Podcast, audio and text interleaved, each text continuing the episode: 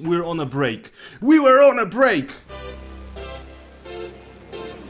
Ah, good afternoon, sir, and how are we today? Better, Better? better get a bucket. I'm gonna throw up. Ah, Gaston, a bucket for monsieur. Poszło. Odpalone. Poszło. Łukasz, jak nie, nie, ten, niekonserwatywnie odpalone. Odpalone. Bo on sziszę odpalił, a nagrywania nie. Dopiero teraz, e, poszło też, właśnie. Dobra. No to skoro już poszło, witamy Was w ósmej dokładce rozgrywki, która jest jednocześnie pierwszym naszym podcastem w roku 2020, mimo tego, że jesteśmy właśnie w trakcie noworocznej przerwy. Ale tak nas jakoś naszło, żeby porozmawiać sobie o jednej bardzo ważnej rzeczy, która niedawno miała swoją premierę. Ja nazywam Jak się ci Pres święta Perez. minęły, Pres? A i Kas, oczywiście. Nowy rok, stary Kas. Przerwał momencie. w najlepszym momencie. Święta minęły mi dobrze, Kas. Dziękuję Ci Dziękuję, ślicznie. to A jak tobie? Jakas. Tak, ja, ja jestem Presperes, to jest on, czyli Kaz, jest też Maciek, czyli Razer, którego słyszeliście już w tle. Cześć. I jest z nami również Piotr Kuldanek, czyli Kuldan. Dzień dobry. Kaz, dziękujemy Ci, że przyszedłeś, mimo tego, że jesteś dosyć zapracowany. Obiecujemy, że odcinek będzie dzisiaj króciuteńki. Mamy Możesz już iść tylko dwa tematy. Tak, tak, dziękuję. Jak już przerwałeś intro, to Swoje zrobiłeś. No właśnie. On tak zawsze będzie przychodzić, przerywać i wychodzić. dokładnie. Ale za, za każdym razem to pytanie jest zaskakujące, no bo teraz nagle padło pytanie, jak Ci minęły święta. No w ogóle? kompletnie nie byłem na nie przygotowany. Ale tak, do, dobrze. Mam nadzieję, że wszystkim Wam dobrze Święta minęły były święta. dwa tygodnie temu, już dawno W nic temu. nie grałem, ale skończyłem właśnie ten. Ukończyłem Shenmue też w międzyczasie. To Czyli grałeś. tak. Się Ale sam nie chciał pochwalić po prostu. Tak, tak. Na Okej, święta to grałem w alkohol. Fajnie. Fajnie. Wygrałeś, czy nie? Przegrywasz zawsze. Można tak powiedzieć. Remis. Z alkoholem się nie da wygrać. Pamiętajcie, dzieci. remis dogrywka za rok. tak. No słuchajcie, y, jest taki główny temat dzisiejszy na, e, na czołówkę i w ogóle na większość odcinka, czyli serial Wiedźmin od Netflixa. Będziemy Oczywiście grosik Wiedźminowi? Mam Myślałem, nadzieję, że że nie, bo już mam dosyć tego mema, ale, ale oczywiście jakby na pewno już wielokrotnie czytaliście o, o tym serialu, słuchaliście może innych podcastów, rozmawialiście ze swoimi znajomymi. Prawie każdy obejrzał ten serial w okresie świątecznym. My w czwórkę na pewno, e, nasi rodzice, nasi znajomi, e, inni ludzie z naszej grupy, wszyscy Moi oglądali. Wiedźmina. Sąsiedzi, z kijem by tam nie pani ze podeszli sąsiedzi, pani ze sklepu, ksiądz proboszcz. Bezdomni żule nawet już obejrzeli. No właśnie, wszyscy obejrzeli, tylko widać nie nasi rodzice, kulden. Ostatni ludzie na ziemi. Musicie to zmienić. Moja mama, jak usłyszała dialogi y, w polskim dubbingu, to powiedziała, no ale w książce też są takie dobre dialogi. Ale nie Ja wstyd powiedziałem, ci było mamie puszczać Wiedźmina i te wszystkie cycki na wierzchu? Które No bez są? przesady, moja mama jest dorosła, Ona też ma cycki, więc to nie jest jakiś szoker, więc to nie jest szokers, dokładnie. Y, Natomiast była zszokowana poziomem dia y, dialogów w dubbingu, do tego przejdziemy i jak po powiedziałem jej, że w książce dialogi są jeszcze lepsze, to powiedziała, dawaj pierwszy tom opowiadań, synu. Także spełniłem swoją misję. No ale dobra, słuchajcie, do brzegu. Sapkowski Andrzej, czyli y, autor książek, sprzedał prawa y, do serialu najpierw y, Polakom 20 lat temu. Jak to się skończyło, wszyscy wiemy. Dlatego teraz, kiedy Netflix powiedział, że pracuje nad swoją wersją, mieliśmy pewne obawy. Przychodziły różne plotki, ploteczki, obsada, prace na planie, etc. Generalnie rzecz biorąc, wiadomo, że w internecie wszyscy muszą narzekać, więc większość narzekała i wszyscy bali się tego, co to będzie. Na premierę okazało się, że recenzje zmiażdżyły Wiedźmina i 5, na 10 to jest taka średnia ocena, którą otrzymał od krytyków. Wiesz co, ja bym chciał się tutaj na chwileczkę zatrzymać, bo przy okazji recenzji Wiedźmina stało się dla mnie coś dziwnego. Bo nie byłem w stanie uwierzyć w to, że jakieś uznane w branży magazyny, czy też strony, czy jakie zwał, takie zwał, totalnie na luzaku piszą, no 0 na 10, bo nie chciało mi się oglądać więcej niż jednego odcinka. Ja, nie wiem, czy to, to się stała norma w, w branży filmowo-serialowej, że bycie ignorantem jest totalnie na luzie, że możesz No, coś Znaczy, recenzować z, nawet z tego co kojarzę, to był przypadek, gdzie facet powiedział, że jest tak nudny, że przewinął do piątego odcinka chyba, tak? Chyba po pierwszym czy po drugim, czyli nie wiedział w ogóle co jest grane, jeżeli nie czytał. Kil, kilka pierwszych odcinków pominął, bo go nudziły i... Ocenia ale na nasze giereczki to trochę tak jakbyś przeszedł tutorial, uznał, że słabo mało się dzieje, to tam walić, to nie gram w to 2 na 10. Znaczy to jest jeszcze coś innego, no bo jeżeli chodzi o na przykład daną mechanikę gry, przejdziesz dwa poziomy w grze, która teoretycznie polega na tym samym, to i tak masz dużo większe pojęcie niż y, w serialu, bo serial to jest jednak fabuła jako całość i tym bardziej, że one są tutaj Tak jakbyś pół książ- drugie pół książki No. przeczytał, nie? I Tak, tak, cenzował. nie znasz fabuły w sumie, bo on nie wie o co tam, co, co tam chodziło. No dobra, to jest jakiś Przy jeden okazji, przypadek, nie, to nie nie, jest tak, przy że okazji tych tak recenzji pojawiło się dużo głosów takich. Ale w ogóle to jest chore, że nie wiem, dla mnie, ja też o tym słyszałem i też to dla mnie jest niespotykane i mam wrażenie, że Bakuldan do tego piłeś, że w dzisiejszych czasach, gdzie niby to fantasy jest tak mocno ugruntowane jako coś wartościowego, po grze o tron chociażby, czy po Władcy Pierścieni, nagle się okazuje, że duża część krytyków ma wywalone totalnie, nie? Jak się tam nie podoba dwa odcinki, to do widzenia. Jakoś nie, nie przypominam sobie i też nie, nie widzę za bardzo sytuacji, w której, nie wiem, jakieś dzieło dramatyczne albo obyczajowe, albo coś w tym stylu byłoby tak traktowane. To, to, jest jednak mega W słabe. ogóle, w ogóle coraz częściej się mówi o tym, że w przypadku na przykład ogromnych gier, takich jak Red Dead Redemption 2 czy Legend of Zelda Breath of the Wild, bardzo wiele recenzji powstaje w połowie gry. To znaczy, że ludzie nie mają czasu ani siły, żeby grać w te ogromne gry, a dostają na przykład wersję recenzencką tydzień przed premierą. I muszą w ciągu tygodnia zdążyć z recenzją pisaną, albo nie wiem, z materiałem wideo. I potem się okazuje, że te zawyżone oceny, i potem na przykład, bo dużo ludzi potem mówiło, Zelda ma zawyżone oceny, RDR 2 ma zawyżone oceny. Nie do końca się z tym zgadzam, ale rozumiem to podejście, dlatego że to były naprawdę, naprawdę wysokie oceny, a było dużo bolączek, zwłaszcza w takim RDR 2, o którym recenzenci nie wspominali często, bo okazywało się, że one później dopiero bardziej wychodziły na jaw. Wiesz co, ale to jest w ogóle, to jest y, kij, który ma dwa końce, czy że trzymając się Wiedźmina, to jest miecz przeznaczenia, który ma dwa ostrza, że mm, na przykład taki Assassin ostatni, z którym ja spędziłem bardzo dobrze czas i wspaniale wspominam tą grę i to łącznie było tam, nie wiem, 130 godzin bodajże, to jeżeli te 130 godzin zostałoby mi wepchnięte w półtora tygodnia w gardło niczym... To byś się zżygał. To, to bym się zżygał i wtedy Oczywiście. tak odbiór tej gry byłby diametralnie inny. Dlatego od lat Michał, jest? Michał Piwowarczyk od lat powtarza, że recenzowanie tak dużych gier w krótkim okresie czasu to jest męczarnia. I nic dziwnego, że recenzenci zaczynają zwracać uwagę na wszystko, bo faktycznie, tak jak mówisz, taki Assassin, taka Zelda, to są gry na dziesiątki godzin.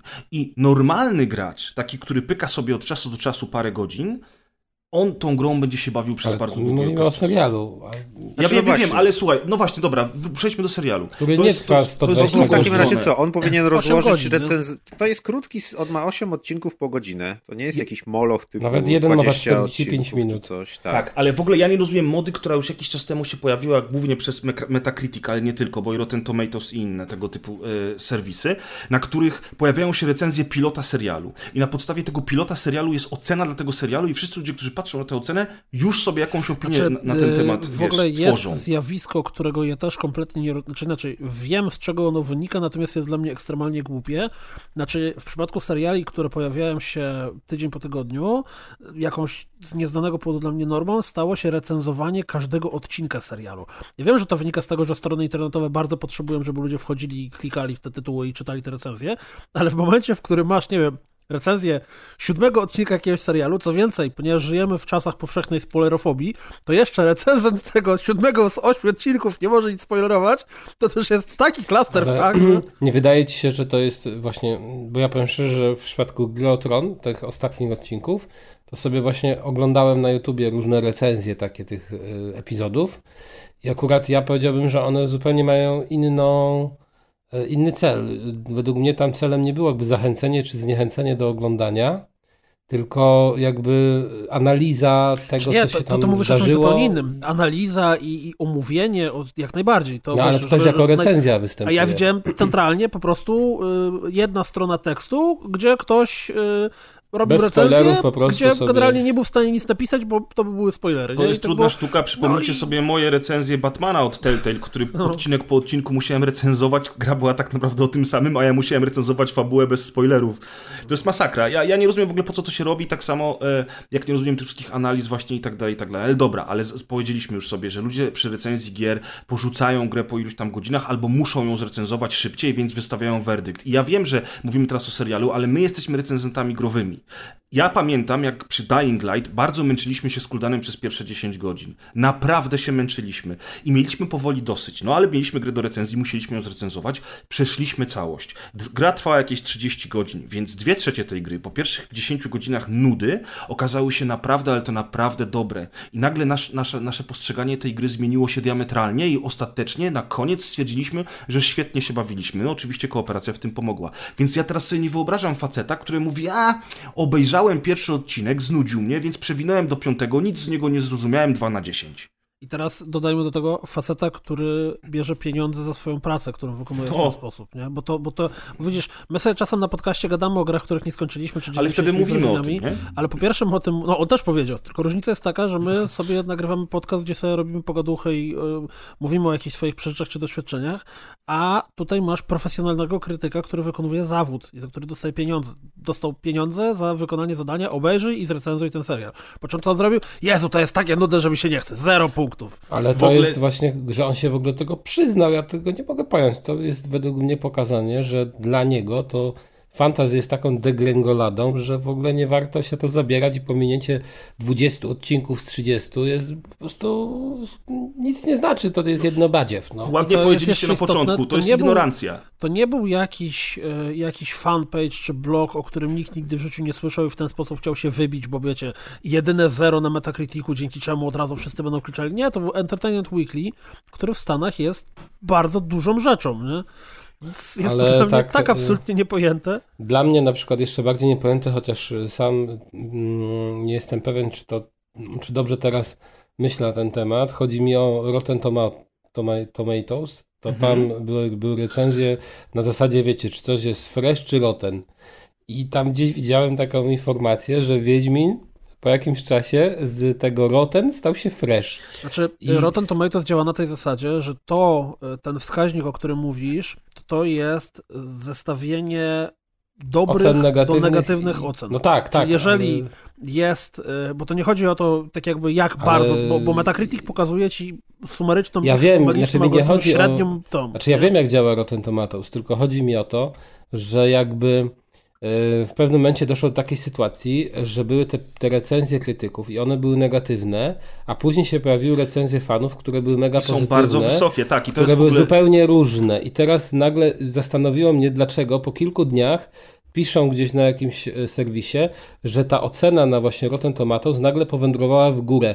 Czy to y, Że prawdopodobnie ma na myśli... krytycznych się pojawiło. No Dlatego, tak, że... ale czy to nie było tak, że na przykład zobaczyli ci recenzenci nagle, że fani y, lubią ten serial i zaczęli po prostu podwyższać te oceny? Nie, nie, nie, nie. Tam masz oso- osobne oceny od recenzentów i osobne oceny od No użytkowników. dobrze, tak czyli, ale zawsze jest oznaczone na przykład fresh i rotten, to dotyczy zarówno recenzji... Yy, Nie, masz No no właśnie, no. pomidorka, masz tylko od krytyków, a od y, fanów, nazwijmy popcorn. to, od publiki jest popcorn. A okej, czyli Kas o tym mówi, czyli widzisz, No tak, widocznie, czyli- powiem, to, czyli wynika z tego, że te pierwsze recenzje krytyczne, które się pojawiły, to były recenzje ludzi, którzy oczywiście obejrzeli Tak. którzy nie całość, słyszeli w ogóle głosu fanów. A nagle się okazało, ale że recenzent fan... nie ma słuchać głosu No fanów. dobrze, Kas. ale nie wydaje wam się, że trochę tak było? Że nagle Nie, wydaje mi te się, że kolejne prostu- recenzje były lepsze? Wydaje mi się, że Bo- po prostu ci ludzie, którzy to obejrzeli jak ten pan z Entertainment Weekly, to szybko wystawili ocenę, bo chcieli mieć jak najszybciej te oceny wystawione, a potem zaczęły się pojawiać y, recenzje po prostu od innych źródeł, może mniejszych serwisów, które nie wiem, nie podchodziły tak krytycznie, albo które Ale zwlekały z tymi...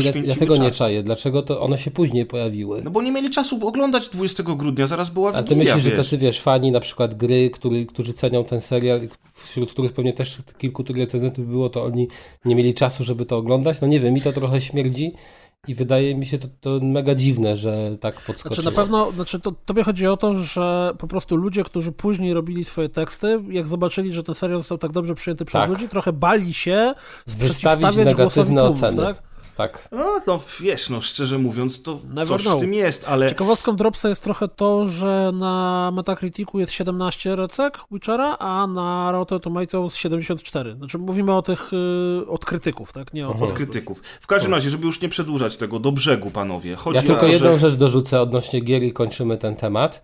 E, Ostatnio widziałem wywiad z panem Michałem Żebrowskim, pewnie kojarzycie gościa i pierwszy raz o tym słyszałem, więc się podzielę, może ktoś inny też tego nie wie. Okazało się, że, że pan Żebrowski w ogóle nie gra w gry i kompletnie go to nie kręci. Podobno dali mu kiedyś Wiedźmina do spróbowania i po godzinie mówił, że tak go bolała głowa, że już miał dosyć. Y, I to mnie tak mega zaskoczyło, bo to jest takie jakby zupełnie coś innego w porównaniu do tego He- Henry'ego Ca- Cavilla, y, który ma y, doświadczenie jako gracz i uwielbia gry. Y, A tutaj mieliśmy Wiedźmina, który w ogóle o tym nie miał pojęcia, mimo że wtedy wiadomo, że gierek jeszcze nie było, nie? tylko była książka. W każdym razie jeszcze jedną ciekawą rzecz powiedział, że dostał od Sapkowskiego chyba list, w którym podobno Sapkowski bardzo mocno lżył ten serial polski, ale że ta jego rola to była wyjątkowa i że właśnie tak on sobie wyobrażał Wiedźmina. Ale dużo ludzi tak mówiło. Ale jestem ludzi ciekaw, jak on tak- sobie takie teraz wyobraża, czy coś się mu zmieniło, czy nie. Sapkowskiemu, znaczy wiesz, przy okazji Netflix zrobił y, bardzo blisko z Sapkowskim Wiedźmina i on się pojawiał i w materiałach marketingowych No tak, tak. i wiesz, i jakieś były z nim wywiady, jakieś filmiki, jak to sobie chodzi po planie filmowym i potem jest zajarany, o, pierwszy raz w życiu jestem na planie filmowym, ale jest fajnie, zajebiście. W ogóle jak dobrze gada po angielsku. Znaczy on, On mówi po angielsku, mówi, po nie? No, ja nie wiedziałem, powiem szczerze, więc byłem zaskoczony, bo rzadko, wiecie, te, te starszej daty goście. Tak. Podobno tak, pan Sapkowski wiadomo. jest bardzo zadowolony, tak samo jest bardzo zadowolony z Czyli gier, bo zawsze zgadza. chciał, żeby jego dzieło się rozeszło, rozprzestrzeniło. Niestety y, jego syn, któ- dla którego pan Sapkowski zaczął pisać w ogóle Wiedźmina, nie dożył premiery serialu, bo zmarł w zeszłym roku trochę przed, e, przed premierą serialu. O. Taka smutna informacja, natomiast uniwersum Wiedźmina teraz kwitnie jeszcze bardziej niż kwitło do tej pory, potem sobie o tym porozmawiamy. Wracając na koniec jeszcze raz do rozdźwięku między ocenami, średnie oceny od krytyków, bardzo, bardzo wysokie oceny użytkowników, które na każdym serwisie dobijały gdzieś do 97%. I z kim się nie porozmawiało, to zazwyczaj rzeczywiście większość ludzi mówiła o tym, że serial im się bardzo podobał. I teraz Kaz, zaczniemy od ciebie. Jak ty oceniasz ten serial? Na co zwróciłeś uwagę? E, właśnie, ja, ja wydaje mi się, że pewnie w przeciwieństwie do Was, chociaż nie wiem czy do wszystkich, nie jestem, nie, nie grałem w żadną grę do tej pory z Wiedźminem. Teraz na Switcha wyszło, to powinieneś nadrobić. No, mam, mam w ogóle to kupione jeszcze na PS4, ale jakoś nie miałem okazji, żeby odpalić. E, Jeżeli chodzi o książki, to czytałem pierwsze opowiadania i to było 15, 16, więcej może lat temu. E, Także za dużo z nich nie pamiętałem. Podobały mi się, nawet nie wiem dlaczego później sięgnąłem po następne. W każdym razie po obejrzeniu tego serialu e, zwróciłem sobie do tych opowiadań i będę pewnie czytał sagę i później pewnie zagram w grę, ale Wspaniale. Mm, To jest to, co też wiele razy słyszałem. Jak rozmawiałem sobie ze znajomymi, którzy to oglądali, to oni twierdzili, że no wszystko jest bardzo fajnie, ale cała ym, struktura serialu, czyli to, że wątki są rozrzucone na wiele lat, powoduje, że ktoś, kto nie jest zorientowany w tym świecie, w tej sadze, nie będzie wiedział o co chodzi. A ja właśnie powiem szczerze, nic z opowiadań nie pamiętałem poza tam, że jakieś potwory były konkretne i, i że on z tym danym gościem walczył. Wiedziałem na przykład, że strzyga była w tych opowiadaniach i że walczył ze strzygą, ale jak to dokładnie wyglądało, to, to nie pamiętam. Yy, I tak, i tak dałem sobie radę i według mnie ta struktura absolutnie nie jest... mm, Znaczy, może jest w jakimś stopniu ut- utrudnia odbiór, tak, żeby zrozumieć, y, gdzie się toczy akcja, ale każdy z tych wątków jest tak opisany, że praktycznie po pierwszym, drugim odcinku ja wiedziałem, co się dzieje u danej postaci. Co, po ale- prostu nie widziałem łącznika między nimi, Ja ten argument- ale ten łącznik się pojawił bardzo szybko, chyba w trzecim odcinku czy w czwartym. Tam I ze dwa automatycznie razy już można jest było każdy, tam ze dwa razy każdy z tych, każda z tych linii czasowych jest wyraźnie zaznaczona. Tam padają że to się dzieje wcześniej, cytaty, że no tak, a ona jak miała tyle lat, to tam dopiero się szykowała Tak do bitwy. A ja się teraz szykuję do bitwy. Jak oglądasz Natomiast to z ja uwagą, to wrażenie, złapiesz to szybko, że- bez znajomości opowiadań. Bo, bo ja też słyszałem, mogli dać No nie, no jakieś mówię, tam ja tam 10 to lat temu, ale kurde, ja No mam ja wiem, wrażenie, Kas. że ktoś, kto yy, nie łapie tego, że to są różne linie czasowe, to jest mniej więcej tak samo ogarnięty, jak ci wszyscy ludzie, którzy uznali, że Maćka z podcastu wyrzuciliśmy. Ale więc, to. yy, Ale to. Jeju.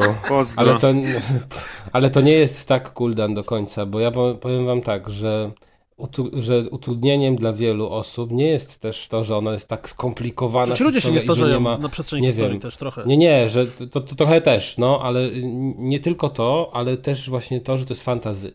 A fantazy oznacza, że masz fikcyjne krainy, fikcyjne imiona i nazwiska postaci, jakieś fikcyjne potwory. I teraz, jak na przykład, nie wiem, pojawia się Foltest i mm, akurat to jest proste imię. Ale nagle później się pojawia jako dziecko gdzieś tam ten Foltest i ktoś po prostu mógł nie zapamiętać, że tamten miał na imię Foltest.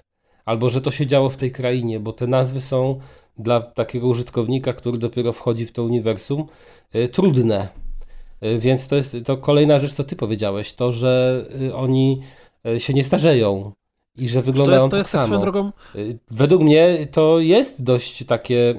y, Rozumiem ludzi, którzy mówią, że, że mieli jakieś problemy z tym, żeby zjarzyć powiązanie tej historii, ale według mnie każda z tych ścieżek jest logicznie opisana i ja wiedziałem, co się wydarzyło. Po prostu mm, początkowo nie jarzyłem tego kontekstu, jak postacie są z tych wszystkich trzech narracji ja powiązane ze Basią, sobą. która Co się wyjaśniło przy trzecim nie miała żadnego odcinku. kontaktu Więc- z Wiedźminem, poza tym, że widziała, że ja kiedyś grę, w grę grałem i to właściwie było wszystko, co był jej kontakt z Wiedźminem i ona nie miała absolutnie żadnych problemów z tym, żeby skojarzyć, że to się dzieje w przeszłości, bo, bo ten serial wprost to mówi.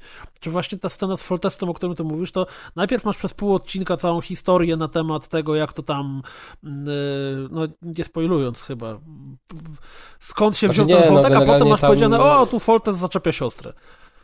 Tam bardziej niż Nawet jak nie zauważysz tego, że to jest skojarzyć- Foltest, to dziecko, które się dzieje Bal, w wątku no w przeszłości, to nic nie tracisz. Ale nie, ale nawet bal. jeżeli tego nie zauważysz, to i tak w tej scenie konkretnej masz taką sytuację, że to jest scena chyba na dworze i ta królowa, która ginie w pierwszym odcinku, ona żyje, no to już wtedy sobie jarzysz, Tak. No że właśnie, to jest prawda? przeszłość.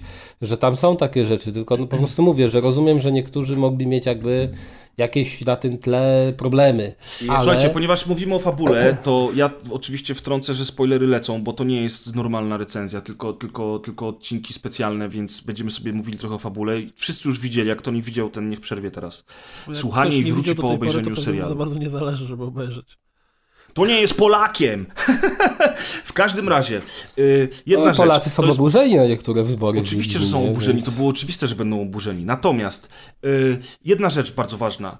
Seriale robi się w tej chwili w ten sposób, żeby, odcio- żeby nie było konieczności w ogóle znajomości materiału źródłowego, co oczywiście nie jest niczym złym, e, bo no, to jest adaptacja, więc y, nie każdy musi czytać książkę albo komiks, żeby obejrzeć sobie serial. Przy okazji amerykańskich bogów, Neil Gaiman reklamując serial powstający na podstawie jego powieści, powiedział coś, co we mnie zabiło małe dziecko. Powiedział, że oni tak przygotowali ten serial, żeby wszystko było jasne od deski do deski i żeby nikt, kto nie czytał jego książki, nie musiał się tym przejmować. Powiedział to autor książki. Ale no, I dla mnie słuchaj, to było straszne. A natomiast tutaj... Press? No, znasz jakiś serial, który wymaga od ciebie znajomości powieści? Nie, Albo- ale nie chcę, żeby wszystko było upraszczane, pokazywane i robione właśnie w taki sposób, że tak jak mówicie, ktoś tam powiedział, powinni dawać napisy. Oczywiście powinni dawać jeszcze strzałki nad głowami, ale jak oglądałeś sobie grę o tron, to też nie było strzałek nad głowami i też było zajebiście Ale to, ciężko co powiedział Gaiman, według mnie nie znaczy, że ten serial ma być płytki, tylko po Nie, prostu, że ale ludzie a, nie, zrozumieją nie, ten serial, w ogóle, ten serial w ogóle bardzo dużo zmienił e, w kontekście fabuły, bohaterów i ich motywacji. Nie mówimy tutaj o takich bzdurnych zmianach nieistotnych jak kolor skóry postaci. Mówimy tutaj o, o motywacjach, o ich zachowaniach i o ich e, takich e, jakby podstawowych cechach, które tworzyły te postaci. I to się zmieniło w serialu, to co mi bardzo przeszkadzało. Natomiast sam Czekaj, fakt, że autor coś- książki mówi, słuchajcie, nie czytajcie o książki, Wiedźminie, czy to było teraz dla mnie smutne. o- Poczekajcie, bo ja już kończę wątek. o Nie, o kończę Gaimanie wątek. mówi. Ja mówię o. Gaimanie. Mówię o American Gods. I teraz chodzi mi o to, że tutaj wyjątkowo, jak na wszystkie seriale, które są adaptacjami, twórcy uznali, my to robimy na bazie książek, mówimy o tym od samego początku, Mhm. znamy je na wylot i zakładamy, No. że wy też znacie. Oczywiście, że to nie, nie jest coś, co wszyscy musimy chwalić, Tak mówili. ale taką mieli decyzję. I tak to zrobili. Stąd też jest duże oburzenie ludzi, którzy książek nie czytali. Znaczy, Bo rzeczywiście no- część z nich się nie może przy tym połapać. Macie Ale- rację, że niektóre rzeczy są trudne do złapania, ale z drugiej strony zarówno Kaz, jak i twoja małżonka, którzy książek nie czytali, bez To, problemu ale się nie. oglądam teraz wszystkim, od prawda? początku, robię No, też z Basią ale- rewatch e, The Expanse, gdzie e, ja to oglądam sobie drugi raz, ona ogląda pierwszy i ilość wątków, nazw, haseł, tematów, które tam się pojawiają już w przeciągu pierwszych trzech odcinków i musisz zacząć się orientować, kto Oczywiście. jest kim, skąd, dlaczego, gdzie i jak, bo totalnie nie będziesz kumał, co się dzieje, no to, to, nie, to chyba nie jest wada, że... Nie pomyślmy nie sobie o Grze o znaczy- Tron. Przecież jak, Oczywiście, jak no. wrócimy do pierwszego sezonu Dobra, Gry to tak tylko samo było. tak. Tam, tam nikt ci nie mówił, że o, tam... No właśnie, dla No mnie ja pamiętam, to- że gra o ja Tron tak pierwszy samo sezon to była masakra dla mnie, dla Eweliny, bo po czterech odcinkach, jak oni się odwoływali do tam, już były całe drzewa genealogiczne No. rozpisane ludzi, wszystkie rodziny, pięć rodów, każdy Tak. miał dziesiątkę dzieci, które miał dziesiątkę dzieci i ja już nic nie wiedziałem, co się Według dzieje. mnie, jak ja widziałem pierwszy sezon, to mi się wydawało, że osoby, które nie znają książki, to totalnie nie będą wiedziały, o co w tym chodzi. A tutaj Słuchajcie, powiem wam, że przy tym Wiedźminie, y, to ja nawet na początku nie kapnąłem się, że to są różne linie czasowe i właśnie dopiero tam minęły tam, nie wiem, czy trzy odcinki, czy coś. Zauważyłem te takie drobne sugestie i myślę, o, to jest w innym czasie, bo to jest właśnie tam wcześniej, bo oni Tak. opowiadali albo coś tam, coś tam. I akurat zwróciłem na to uwagę, że mi się to spodobało, że nie ma tego 10 lat wcześniej, albo 15 lat później w Cintrze, albo coś, bo rzeczywiście te linie czasowe są tak naprawdę trzy. Nic się nie stanie, jeśli ktoś. One nie, to nie jest tak, że między nimi cały czas są jakieś interakcje między tymi liniami czasowymi. Nie, po prostu poznajemy jedną historię, drugą, trzecią.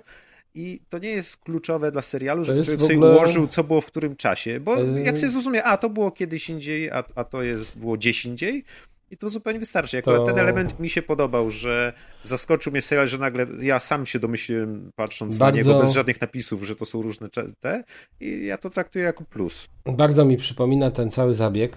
Właśnie, bo chciałem się o to też Was zapytać. Czy Waszym zdaniem ten zabieg, który został zastosowany, to jest na plus czy na minus? Widziałem tłumaczenia, że tłumaczenie było na tej zasadzie, że na przykład jakaś postać się pojawia dopiero w drugim tomie opowiadań. Nie mogliśmy sobie pozwolić, żeby ją tak późno wstawiać.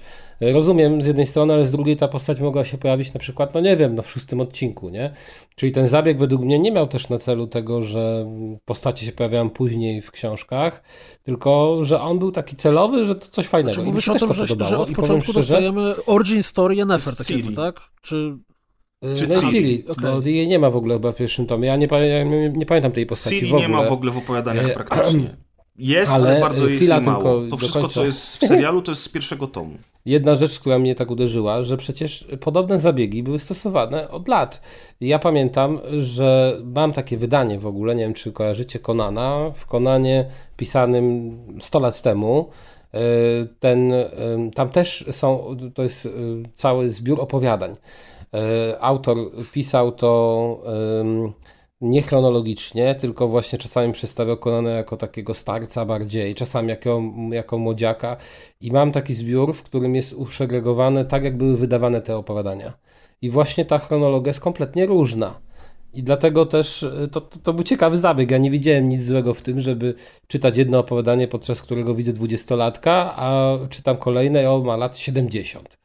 I tutaj też jakby to pomieszanie tych czasów dla mnie było spoko i to był taki yy, fajny zabieg, coś takiego innego, właśnie coś takiego, co powodowało, że trzeba było się skupić i ja to odbieram akurat na strony- plus. Przy czym z drugiej strony wiesz, że to wszystko są puzzle tej samej układanki. Że Tak, ale to wiązanie tych czegoś, co puzli się to łączy w całość. ciekawe. W Moim zdaniem- Przepraszam, oglądania. Wręcz Czy wybór nie tylko... jest też tak, że Mhm. oni zakładali, znaczy mówimy nie tyle o Netflixie jako, nazwijmy to w cudzysłowie, wytwórni, tylko o ludziach, czyli o Bagińskim i o pani właśnie Lauren pani S. Hirsch, czy tam Histrzy, czy A co to w ogóle znaczy to jest showrunner? osoba, która jest tak jakby, wiesz, nie masz, nie masz polskiej nazwy tego zawodu, ale to jest osoba, która No zajmuje jest się od początku do końca tworzeniem jakiegoś serialu, tak? Tak Prowadzeniem jakby serialu, szef tak. produkcji, tylko że to To nie jest główny producent, no. No ale to jest, egze... no dobra, ale jest napisane To na Wikipedii, właśnie patrzę, executive producer Tak, and showrunner to jest taka osoba, która spina całe, na przykład masz seriale, które są robione, gdzie producentem jest ktoś to właśnie inny, nie producent? a masz showrunnera, który nadaje im y, tak jakby kierunek, w który ten serial idzie, nie?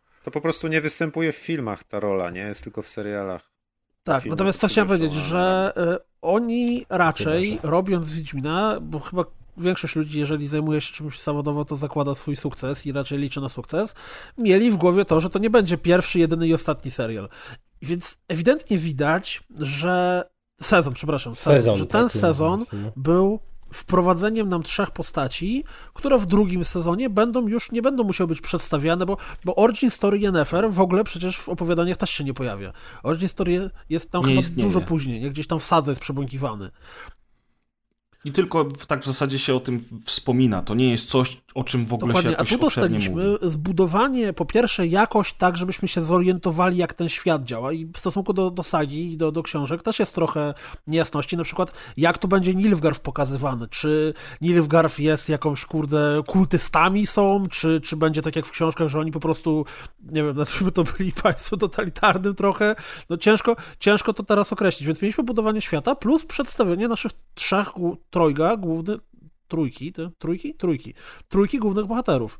I ponieważ teraz już wiemy, kim jest Ciri, co ją spotkało, wiemy, jak wyglądało zachowanie Wiedźmina na przestrzeni wielu lat i wiemy, jakie motywacje pchają Yennefer do przodu, co chyba też w ogóle jest zupełnie od czapy wzięte z książek. Wyssane z palca. To teraz będziemy mieli drugi sezon, który będzie już nie musiał się zajmować takimi pierdołami, jak właśnie pokazanie, czemu Yennefer robi takie, a nie inne rzeczy i czemu Wiedźmin jest taki, a nie inny. Ja uważam w ogóle, że to, że oni wybrali tylko kilka opowiadań, połączyli je od razu z pierwszym tomem sagi, bo jeżeli ktoś nie czytał książek, to może nie wiedzieć, że najpierw były dwa tomy opowiadań i one po prostu są nazywane opowiadaniami. To są bardzo dwa obszerne, duże tomy, gdzie jest mnóstwo opowiadań, a potem jest tak zwany pię pięcioksiąg, czyli saga, pięć tomów jednej, spójnej, chronologicznie niemalże. Potem jest fanfic napisany przez Sapkowskiego.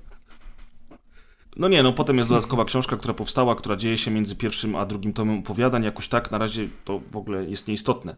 Natomiast to, co zrobili producenci tego serialu, to oni połączyli od razu kilka najważniejszych opowiadań z głównym pierwszym tomem, opo- y, kiedy dzieją się już ważne rzeczy. I teraz ja uważam, że to jest super, że oni wybrali tylko kilka opowiadań, że nie dostaliśmy dwóch sezonów z, złożonych tylko z opowiadań, które tak, dzieją się niechronologicznie, dzieją się w różnych czasach i tak jak mówił y, Kaz o Konanie, tak samo tutaj Wiedźmin jest w różnych okresach swojego życia przedstawiony w tych opowiadaniach. I mimo tego, że ludzie mają pretensje, że są trzy linie czasowe i nie do końca można się połapać, co się kiedy dzieje, to ja uważam, że to jest prostsze i bardziej wyłożone, wiesz, łopatologicznie na stół, co, kiedy i dlaczego, niż to było w oryginalnych opowiadaniach w Zwłaszcza, książce. że przy Więc okazji moim zdaniem to połączenie jest i tego świetne. typu rzeczy, gdzieś tam pojawiają się jakieś sugestie, że w kolejnym sezonie też będziemy mieli skoki w przeszłość. Jest możliwe, że któreś opowiadania, które zostały pominięte przy okazji pierwszego sezonu, wrócą Tak. do nas w drugim sezonie, jako jakoś takie, wiecie... Tak, jako takie Tak, przerywniki tak. Albo pomiędzy na przykład podbudowanie jakiegoś zachowania odcinków. Geralta, które zobaczymy, czy, czy, czy Yennefer, czy czegokolwiek. No bo, Tak. bo to, to im daje bardzo fajną właśnie opcję trochę takiego plastycznego tworzenia tego, jaki mają pomysł, a nie bycia, kurde, ekranizacją jeden do jeden książki, bo mówiłeś kawał czasu wcześniej, jak, jak mówiłeś o, o Gaimanie, że e, on tak skomentował e, amerykańskich bogów. Na Amazon Prime pojawił się jakiś czas temu również Dobry Omen, który jest właściwie, i przy którym też współpracował Gaiman. I Dobry Omen jest właściwie ekranizacją strona po stronie książki Dobry Omen. Co więcej, ekranizacją zrobiono w ten sposób, znaczy, okej, nie strona po stronie, bo po prostu kilka żartów tam umyka, ale to jest dosłownie scena po scenie i ja, znając książkę i pamiętając ją, czułem się tak, jakby ktoś nie wykonał absolutnie żadnej pracy, oprócz po prostu odgrywania scena po scenie tego, co dała książka i to było straszne. Mi się stra- strasznie się zawiodłem w tym, serialem, więc nie wiem, czy robienie czegoś tak jeden do jednego jest zawsze dobrym pomysłem. Znaczy, tutaj Deusz by, by tobie przybił piątkę, bo Deusz jest zwolennikiem właśnie tego, żeby adaptacje rządziły się własnymi prawami. Ja bardzo długo z tym walczyłem i miałem problemy. Dla mnie w ogóle amerykańscy bogowie w tej formie, w której są teraz przedstawieni, strasznie dużo tracą. Ale z wiekiem ja już po prostu przestaję się tym przejmować i coraz mniej mi to przeszkadza. I tak się złożyło, że akurat w Wiedźminie te zmiany czy te nowości, które są, To się nazywa dojrzewanie pres. możliwe, albo już przejrzewanie nawet. Już nie mam siły walczyć ze światem.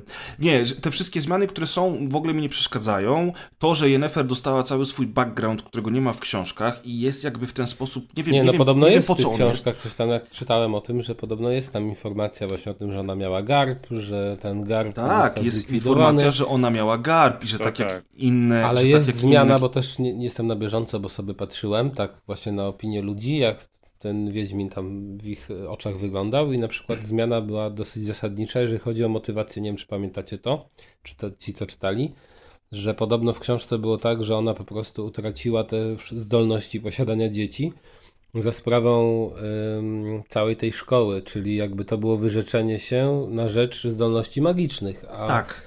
w, w tym serialu jest zupełnie to inaczej pokazane, bo jakby że ona się wyrzekła w imię urody. Tak, to jest zmienione. Czy To to, taka jest ta dobrze motywa- zmienione? W- Moim zdaniem nie, bo to tak jakoś, jakoś tak, no nie wiem.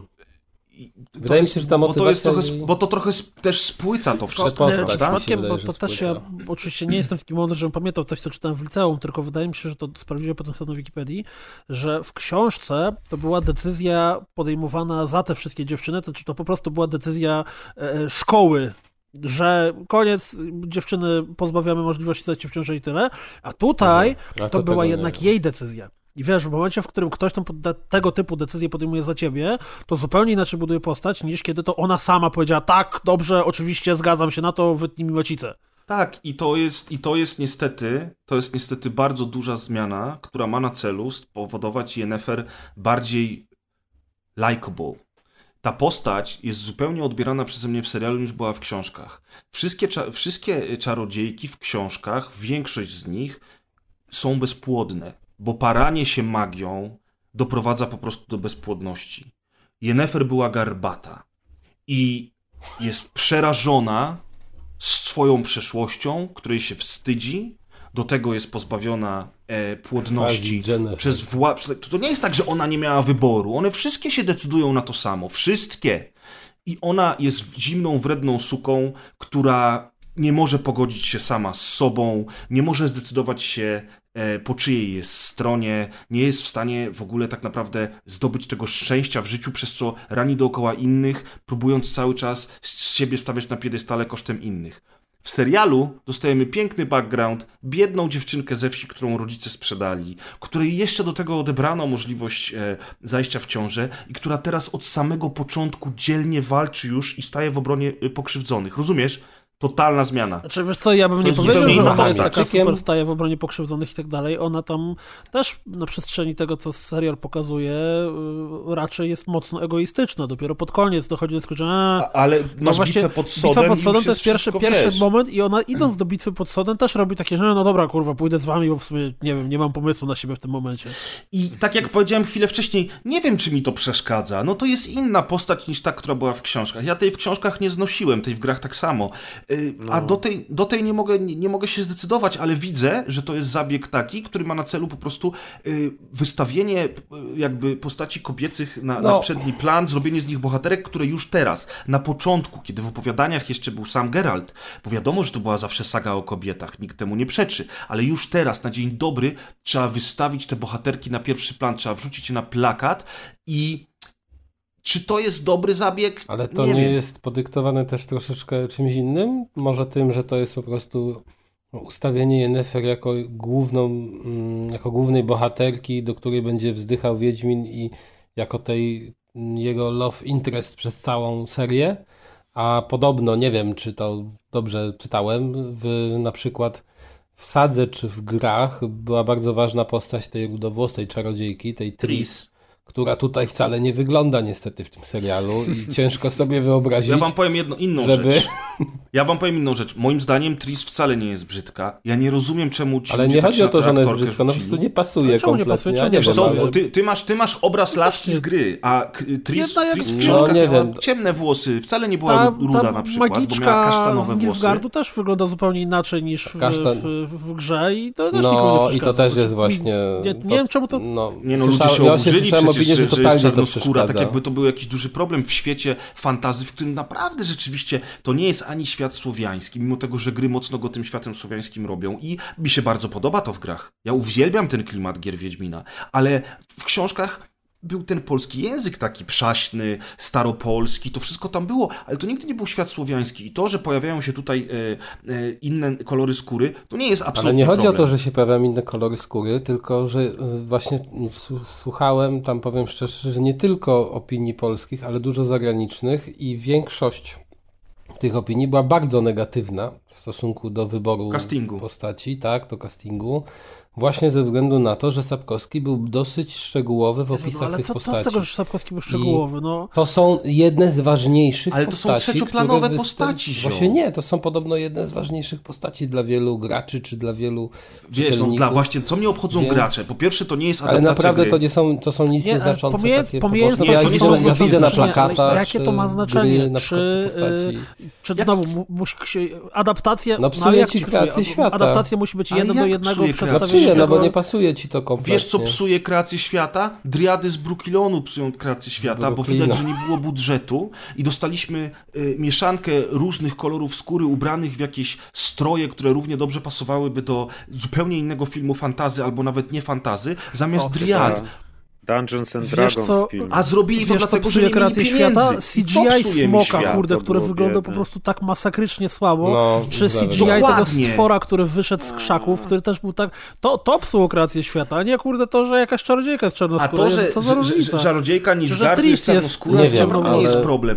Znaczy, słuchajcie, wydaje mi się, że to jest taka dyskusja, która często jest przy takich adaptacjach i jednym się to wybór spodoba, innym nie. I jakby to jest. Oczywiście. No, nie mamy na to żadnego wpływu, Ja możemy pamiętam- tylko ocenić, czy to się sprawdza, czy nie. Ja też jestem do gier bardzo przyzwyczajony i do ich wizerunku z gier, a do serialu siadłem. I też na zwiastunach, jak pokazywali pierwszy raz, że Tris będzie, że ta Yennefer będzie taka młoda i tak dalej, że tam jakaś taka młoda aktorka gra i też tak myślałem, że no, no nie wiem, w sumie no zobaczymy. I do serialu tak usiadłem i wiedziałem, że to, to nie jest adaptacja gry, to jest, y, można powiedzieć, adaptacja książki, ale też wiedziałem, że oni do tego luźno podejdą, bo właśnie też, no jak się przegnie w drugą stronę, tak jak dzisiaj wspominaliście, też nie, nie jest za dobrze, kiedy to jest takie super, więc To... przyjąłem to z, dobrodziejstwem wszystko inwentarza i jakby nie, nie przeszkadzała mi żadna Yennefer postać. chciałem, chciałem dwie rzeczy was, znaczy jedną rzecz powiedzieć, a drugą was zapytać, bo nie wiem, czy to, że te pierwsze sceny, kiedy ona jest jeszcze właśnie ma garb i ma ten krzywy zgryz i tak dalej, były tak wyraźne, ale ja później ten jej krzywy zgryz widziałem właściwie absolutnie przez cały serial, nawet jak ona już była niby Bo ona w ogóle, ma w taką ogóle jak ja szczękę, patrzę, nie? cały czas coś tam, kurde, mi nie gra w tej twarzy. Natomiast druga rzecz, e, nie mieliście wrażenia, że aktorka, która grała Yennefer, z jakiegoś powodu była jedyną dziewczyną i tak tam mi się to wręcz totalnie wybijało y, na, na przestrzeni tego serialu, która regularnie świeciła biustem.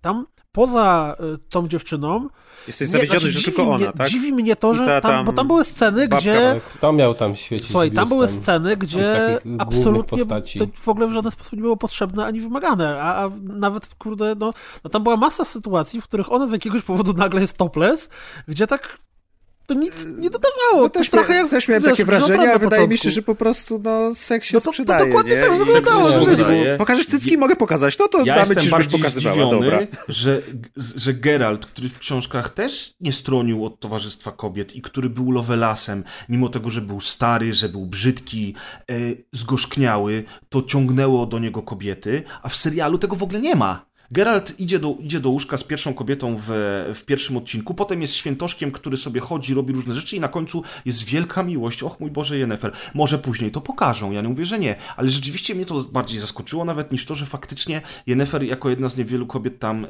często pojawia się topless.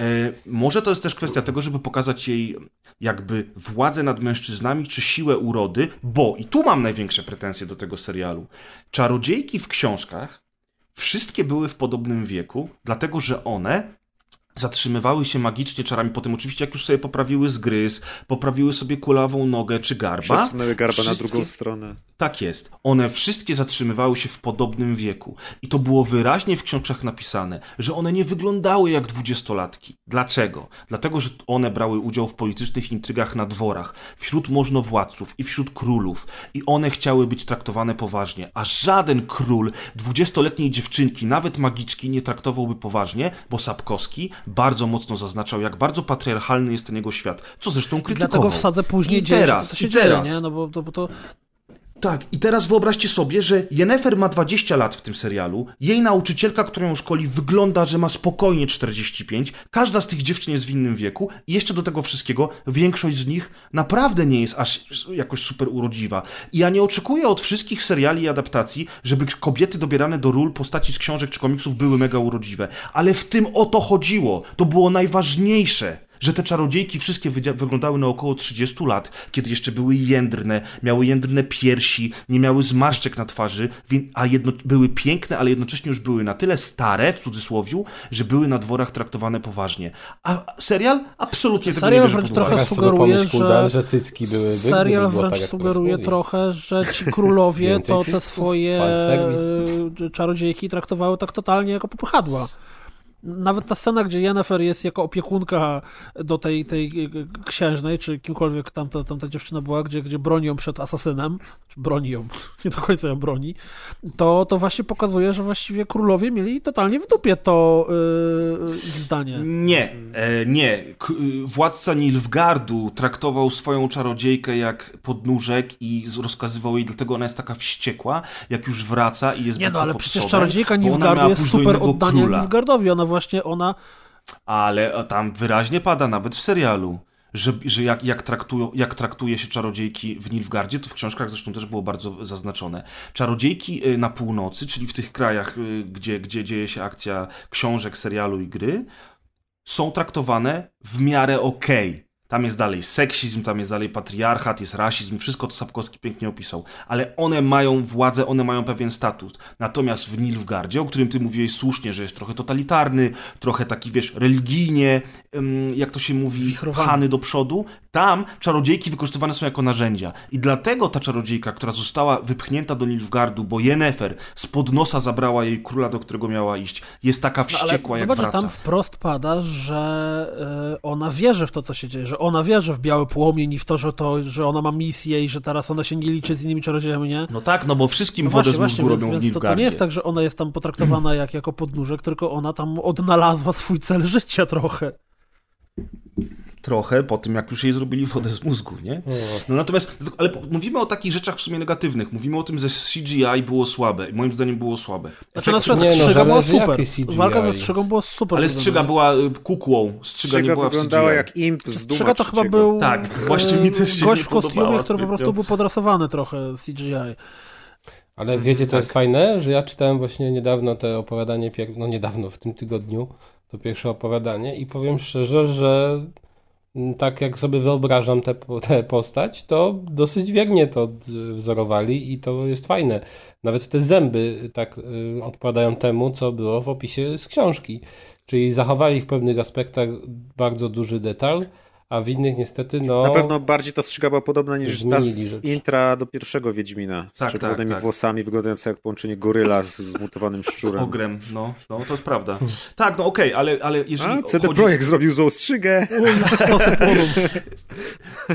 Ten, znaczy, generalnie nie, ja rzecz biorąc, faktycznie masz rację, y- że ona była wiernie odwzorowana, jeżeli chodzi o opis, ale jeżeli chodzi o jej wygląd, poruszanie się, to wszystko, to w całokształcie mocno dużo rzeczy kulało moim zdaniem. Bo w CGI to w ogóle było, w CGI było beznadziejne. Ja byłem Ale w szoku, że oni aż tak słaby chwila. CGI mieli. Wy mówicie o CGI dotyczącym wyglądu postaci, bo na przykład jako świat, y, chociażby przecież w tym yy, serialu pojawiają, pojawia się jeden z polskich zamków, to, tak, bo kręcili go w Polsce. No to wygląda to moim zdaniem całkiem spoko. Ja tak, ale, widzę... ale zamek nie jest w CGI. Zamek ale ja nie mówię, że zamek jest w CGI, tylko okolica jest w CGI całka, cała. Rzeka tak, ze. Y, scenografia i pejzaże znaczy, są naprawdę Ja, ja to okay. rozumiem, bo po prostu to jest potwornie drogie. Zrobienie smoka takiego jak był w grze o Tron kosztowało pewnie więcej niż cały sezon tego Wiedźmina, nie? No, ale jak mówimy już o, o, o, scenografii i lokacjach, to to jest mój największy minus, który po dłuższym czasie i zastanowieniu, jak myślałem, co mi nie leży w tym serialu, to jest właśnie to, że no rozumiem, że nie mieli budżetu, ale y, po pierwsze średnio mi trochę pasuje takie umieszczenie y, jakby tej akcji w dosyć późnym średniowieczu, albo nawet już w kolejnej epoce, bo tam jakby y, brakowało mi potem, jak sobie wróciłem do gier, albo nawet oglądałem w telewizji to, co wam mówiłem, leciał gdzieś jakiś taki fantazy generyczny film Siódmy Syn. Jakie tam fantazy właśnie w średniowieczu i tam potwory i coś tam im ma magicy. W sumie dosyć podobnie do Wiedźmina, bo też opowiadają Przecież to jest bardzo który... znane, nawet Iron Maiden nagrał płytę. Tak? To jest książka, tak, tak. No ksi o książce nie słyszałem wcześniej. Jest książka właśnie Siódmy Syn i Iron Maiden nagrał album Seven W każdym razie oglądałem tam ten film, który tam jest takim średnim fantazy, powiedzmy, nie był to chyba wybitne dzieło żadne, ale wizualnie po prostu zmiatał tego Wiedźmina i po pierwsze Y, y, to, że właśnie te brakowało mi bardzo tego takiego low, low life fantasy, co było w grach, czyli takie chatki, jak kojarzymy ze skansenów, wioski czy coś. Wydaje mi się, że większość rzeczy była zbudowana z bardzo gładkich, równych kamieni, murów, były wszystkie okna i to było dla mnie za, za nowoczesne, jak na to takie średniowiecze fantazy, które sobie wyobrażałem. A druga rzecz, że było bardzo mało takich ujęć, Y, pokazujących dużo lokacji. No tu ten zamek był wyjątkiem, bo oni mieli, kręcili to na lokacji, ale zazwyczaj było tak, że pokazywali jakiś horyzont i pejzaż i od razu pach, jesteśmy w karczmie. Wnętrze. Pokazywali wielkie miasto i już jesteśmy w wąskiej uliczce, która jest zrobiona z trzech kartonów i zaraz znowu gdzieś jesteśmy we wnętrzu. Dlatego... I ja nie poczułem w ogóle tej skali świata. Nie mam tej podróży, jak była w Hobbicie, to wiadomo, to jest inny przykład, ale chodzi mi o to, że właśnie Y, przez to, że ten świat nie był taki fantazy, fantazy i że zabrakło budżetu na takie sceny pomiędzy y, namalujmy piękny pędzarz, a kręćmy już w pomieszczeniu, to bardzo mi to spłuciło ten serial. I sprawiło, że on tam no, parę razy na tym koniu gdzieś jechał przez jakąś yy, łąkę czy, czy las i to było nawet spoko, ale zabrakło mi tej skali, tej przestrzeni, tej różnorodności. Zobacz, te, te driady w tym lesie to w ogóle były zamknięte jak w jakimś zagajniku Ten las w ogóle wyglądały, wyglądał jak wiązane szmatami. słońcem świecącym I to była taka za, bieda. za drzew, Dokładnie, no straszne jak się... Budżet, budżet, jeszcze raz No, budżet. Na każdym niestety, kroku w tym serialu czuć, niestety. że jest brak budżetu. I to, że oni połączyli ze sobą opowiadania od razu z pierwszym tomem sagi, czy tam pięcioksiągu, to też moim zdaniem, mimo tego, że to jest fabularnie bardzo ciekawy zabieg, to też moim zdaniem wynikało z budżetu.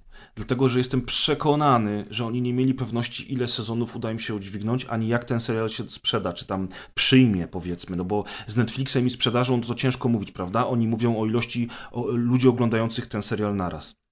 Teraz e, ja jestem w ciężkim szoku, po pierwsze, że ten serial się tak dobrze przyjął. Ja jestem w ciężkim szoku, że mimo wszystkich tych zarzutów, które ja do tego serialu mam, ostatecznie bawiłem się dobrze i wciągnąłem ten serial w dwa wieczory, co mi się rzadko kiedy zdarza.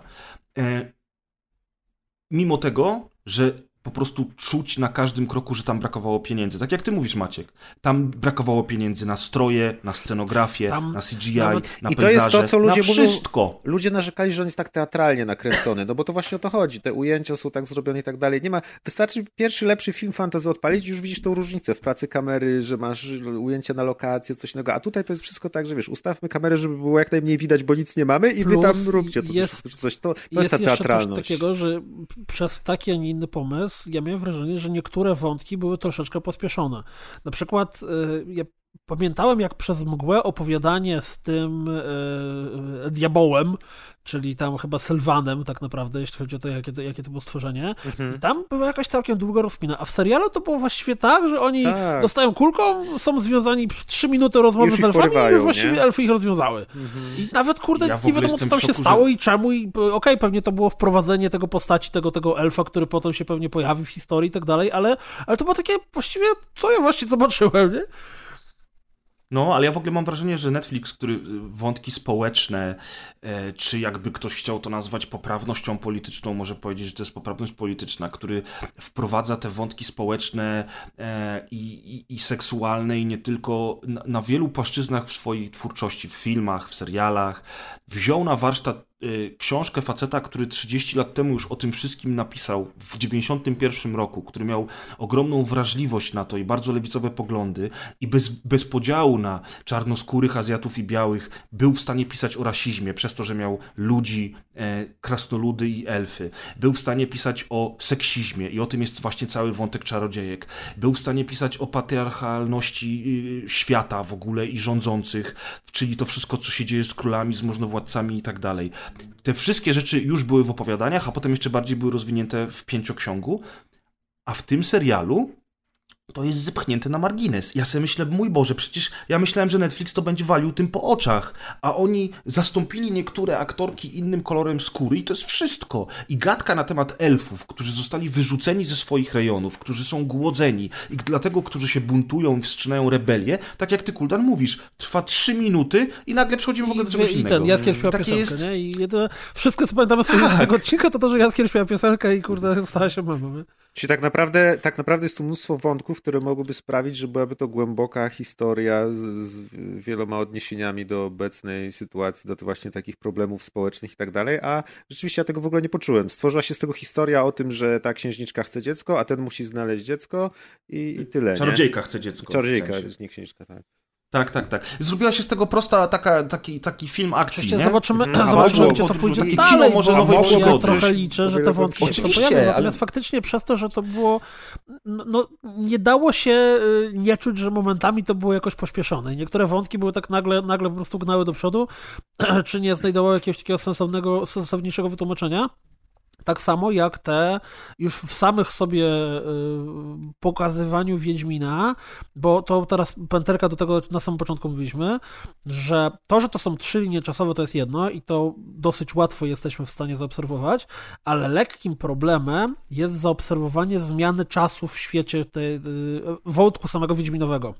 Bo pomiędzy tym, kiedy Wiedźmin y, walczy ze Strzygą, a tym, co się dzieje pod sam koniec, to jest dosyć długo. I okej, mamy to sugerowane tym, że na samym początku Wiedźmin w ogóle jest nieznany i go obrzucają kamieniami jako w ogóle jakiegoś, jakiegoś Wiedźmina, który tu przy nich spada, a pod koniec jest legendarny Biały Wilk, który w ogóle się wsławił tysiącem czynów na całym świecie. I, i tak samo Jaskier od Grajka, który y, zbiera jedzenie, którym go ludzie obrzucili, bo nie ma co jeść, potem gra na, na, na dworze w y, Kalantę, u Kalantę na, na, na uroczystości, więc też ta, ta, ta ich historia się zmienia, ale to tak kurde, pyk, pyk, pyk, skaczą te wątki i nagle właśnie ciężko powiedzieć, czy to Mhm. było tydzień wcześniej, Też czy to było... to, to, co Kas mówił, że tak samo wyglądają wszyscy aktorzy Jaskier powinien się nie? troszeczkę Nie starzeć, wiesz, nie nie? czujesz, że minęło Jaskier się powinien 15 starzeć, lat. tak. Jaskier się powinien starzeć. Natomiast y, to, że Geralt się nie zmienia, to, że się nie zmienia Yennefer, No tak, no to to rzeczywiście już tak. nie jest problem, ale, ale to też tutaj akurat, tutaj akurat, bo linie czasowe mi nie przeszkadzają, ale tutaj akurat faktycznie twórcy serialu mogliby bardziej zaznaczyć to, że czarodziejki jednak y, się nie starzeją, że, że, że Geralt się nie starzeje, chociaż pada coś takiego, jak Yennefer wraca do tej szkoły dla magów i spotyka swoją dawną nauczycielkę, to jest wyraźnie powiedziane, że jej tu nie było przez Tak, tak, 30 tak, masz lat. Mhm, Dokładnie. Więc chyba widzisz, nie? Że ona się nie starzeje. coś w tym jest nie. Tak, ale tak jak sam powiedziałeś, niektóre czarodziejki, tak, te czarodziejki się różnią wiekiem i to widać na Tak, pierwszy tak, tak. I i to jest już- właśnie ten największy problem, o którym, ja, o którym ja mówiłem już dzisiaj, że to jest moim zdaniem największy Natomiast problem mam takie serialu. wrażenie, To jak zostały przedstawione że czarodziejki. ogólnie dosyć mocno narzekamy, a wszystkim nam ten serial się raczej podobał i że chyba Nie, no nie Absolutnie. narzekamy, tylko wymieniamy Nie, no, sobie właśnie- takie ale wiesz- pewne wady. Tak, ale, ale, ale faktycznie tych wad jest dużo, nie? I Kuldan ma rację, Ale że... one są tak naprawdę, wiesz, no, te wady, które na razie wymieniliśmy, mo, mają jakieś znaczenie, ale tak naprawdę nie wpływają na. No nie, Nie, wiem, ale chodzi mi o to, że my gadamy prawie. serialu, to nie chodzi mi o to, że prawie głównie mówimy o rzeczach, które nam się nie podobały, czy jakoś tam nie do końca zagrały i tak dalej, a absolutnie pomijamy to, że tak jak Grzegorz powiedział, on łyknął serial kurde w dwa dni. Yy, Ja też chyba w, chyba w trzy wieczory obejrzałem całość, to też mi się niezbyt często jakoś zdarza i, i chyba to jest tak, że ta Znaczy- krytyka wynika z tego, że nam się podobało i chcielibyśmy więcej. Znaczy nie, znaczy to ja się tak zapytam w takim razie, czy jesteś w stanie wymienić rzeczy, które cię zachwyciły? Bo ja też obejrzałem go w dwa e, wieczory, dlatego żeby mieć go jak najszybciej z głowy, żeby tego nie rozwlekać i dwa razy po cztery godziny dało się to jakoś podzielić. Jaka motywacja? E, Ale po pierwszym odcinku to w ogóle nie wiedziałem, czy mam dalej oglądać i gdyby nie to, że już zaplanowałem, że dzisiaj oglądam kilka odcinków, to chyba bym odpuścił, bo pierwszy A odcinek chyba pierwszy kompletnie mi właśnie nie dla mnie, ja też, u mnie było tak, że ja pierwszy Był obejrzałem i później miałem nieciekawy. przerwę chyba tydzień. No i, i to też nie chodzi o to, bo mówisz, że, że się zachwycamy. Właśnie ja na przykład mogę wymienić mnóstwo wad i ja ogólnie jestem Ciepło, taki, nie tak? wiem, taki ten serial Okej. spoko, tak. Ani mnie to ziębi, ani grzeje, ale jak teraz się właśnie mówiłeś, że jesteśmy zachwyceni, to w sumie do mnie dotarło, że Znaczy, On mnie nie powiedział, nic że jesteśmy specjalnie... zachwyceni. Znaczy, bo że się nam jest podobało. Daleko do zachwytu, Tak, nie? Ale... No właśnie ja tak Znaczy, teraz chodzi sobie mi o to, zdałem że na sprawę, razie że ta, mówiliśmy jakbyś mnie, tylko i jakbyś, wyłącznie o wadach, a nie mówiliśmy w ogóle o rzeczach, tak. które nam się podobały w tym serialu. no właśnie, a jakbyś mnie teraz zapytał, to ja sobie właśnie zdałem sprawę, że nie jestem w stanie wymienić czegoś, co mi się bardzo podobało, bo w sumie Mi kreacja Tak, Wiedźmina się zdecydowanie. podoba. Mi ten aktor od razu pasuje To, do jak on go Wiedźmina. Jak ogrywa, dowiedziałem też się, że on bardzo będzie grał pasuje. Wiedźmina, to dla mnie idealnie, idealny wybór. Jego bardzo mi się podobało to, jak on się wysławia. Jak ja strasznie nie lubię na przykład Batmana mm, Bale'a, gdzie on Ten tym głos. swoim głosem zmienia, moduluje głos i brzmi dla mnie to kretyńsko, a to podobno jest takie wow i takie rzeczywiste. Tak, tutaj się to wydaje niewymuszone i też jest tam modulacja głosu. No mi się wydawało, że to też ton. jest tak trochę na Ty siłę. nie właśnie grałeś muzyka, to nie a jest na tutaj, siłę, jest tutaj takie- bardzo mocno widać, że on naśladuje aktora angielskojęzycznego, który podkładał głos Geraltowi w grach. I niestety moim zdaniem A to nie to nie jest zaleta. Znaczy, bo co innego Moim jest mieć naturalnie taką dobrze brzmi. chrypkę i niski głos, a co innego robić to specjalnie. Tu mam wrażenie, że trochę za bardzo to było specjalnie. Moim on, mi się, on mi się jako Geralt też podoba. trochę. On mi się też podoba jako Geralt, ale ja za bardzo widzę w nim tego Geralta z gry niż jego własną rolę, którą, w którą on sobie zdecydował. Ale dobra, ja tylko dokończę jeszcze, co w nim jeszcze Mhm. jest ok według mnie. Na przykład podobały mi się te e, wcięcia, takie, te żarciki, takie sytuacyjne też, chociażby z tym dzieckiem niespodzianką, właśnie jak Geralt odchodzi, nagle się okazuje, że, że coś, co, coś, coś się przytrafiło mu też. E, I, I te jego właśnie przekleństwa w tym czasie. Widać, że on jakby się nie śmieje, nie cieszy nic, tylko że to jest takie jakby ta, taka zgryźliwość. I to mi się mega podobało. Nawet jak Jaskier w pewnym momencie czwartą ścianę praktycznie łamie, to mi się bardzo spodobało. To było Tak, takie, który To że... moment, który to moment? Jest taki moment, gdzie on mówi, że no i proszę, teraz zajmuję się opowiadaniem ekspozycji. Tak, tak, masz rację, to absolutnie tak. I, i, co To, robię, to to chodzę do akurat i parsknąłem rysuję śmiechem. ekspozycję, Tak, to mi się podobało. Mi się podobały żarty rzeczywiście. Geralt jest ok. Jestem absolutnie od razu się do niego przyzwyczaiłem, a to miałem jakby obawy, że to będzie duży problem dla mnie, bo bałem się, że właśnie będę widział aż zanadto postać z gry, co jest widoczne w serialu, a z drugiej strony bałem się, że on kompletnie mi nie będzie pasował. I rzeczywiście y, ten nasz polski pan Żebrowski był lepszym Geraltem. Ale ten Geralt w postaci pana Kawila jest naprawdę ok i natychmiast się przyzwyczaiłem. Mówię, ok, to jest Geralt, lecimy z tym dalej. Świetny był dla mnie Jaskier. Tak, był moim zdaniem lepszy niż Jaskier z gier i oczywiście, że lepszy niż Zamachowski, chociaż darzę go sympatią z tego serialowego polskiego Wiedźmina, no bo, no bo to był taki żart przykry, że aż to było zabawne, nie? Jak, tak jak ktoś zdecydował w castingu, że y, Jaskrem będzie pan Zamachowski. Wiesz, ale To najlepszy żart. Jaskier w serialu Netflixa jest fenomenalny. Najbardziej go lubię ze wszystkich Ale postaci. powiedzcie mi tak, jest bo bardzo właśnie- oderwany od rzeczywistości, ale jakoś nie psuje to wizji całej, nie? Znaczy mi się on podoba, jest dla mnie ok, ale miałem takie wrażenie, chociaż no to może wynikać z tego, że czytałem te opowiadania tak dawno, że jednak w opowiadaniach Jaskier był bardziej zabawny niż w serialu. Nie wiem z czego to wynika, ale tak. tak Wiesz, on się rozkręci. wrażenie. Oni nie mogą z niego robić też comic relief za A i tak bardzo troszkę na jest początku. comic relief tak naprawdę. A i tak troszkę jest, więc wiesz, ja myślę, Nie ma że go też to za dużo to niezdrowo, nie? No. Plus pamiętaj o tym, że Jaskier w opowiadaniach pojawia się rzadko. To jest to. On się pojawia i znika. Wiedźmin ma różne przygody, a tutaj tego Jaskra masz praktycznie non-stop, przez to, że wszystko Nie, no zawiedziło właśnie się do nie jest ośmiu odcinków. non-stop, on jest No jest tak... go dużo. Ja miałem wrażenie, że jest go bardzo dużo. Natomiast jeszcze jedna rzecz, która mi się podobała i byłem zachwycony, zwłaszcza w, pierwszej, w pierwszym odcinku, więc już wiecie o co chodzi. Choreografia walk. Moim zdaniem naprawdę przyłożyli do tego rękę i to wygląda po prostu świetnie. Walka w Blaviken jest rewelacyjna. To jest Czy poziom walka gry tron. to jest ta z y, Ren- Renfree? To A, Renfrew tak, okej. chyba. Znaczy, Tak, ale a nie miałeś wrażenia, że to właściwie była jedyna robiąca wrażenie walka w całym serialu? Ja mam No, dokładnie takie wrażenie mniej. właśnie. Później jest tej walki dużo mniej, ale to też wynika z fabuły.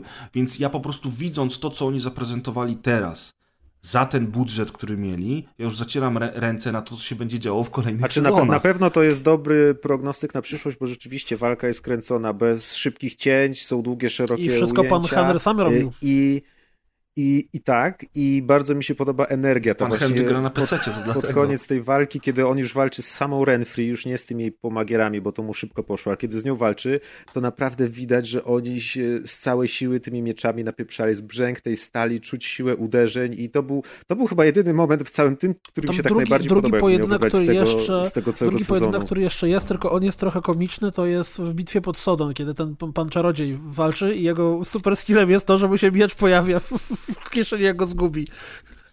I A, dostaje taki kopa i bajer, wszyscy no. myślą, że już nie. Nie, ale wiesz, jakim, no, jakim że jesteś, zginął. To co, jest- co mówi o tobie y, twoja super zdolność, że po prostu tak często tracisz miecz w trakcie walki, że musisz się tobie respawnować Mm. do kieszeni?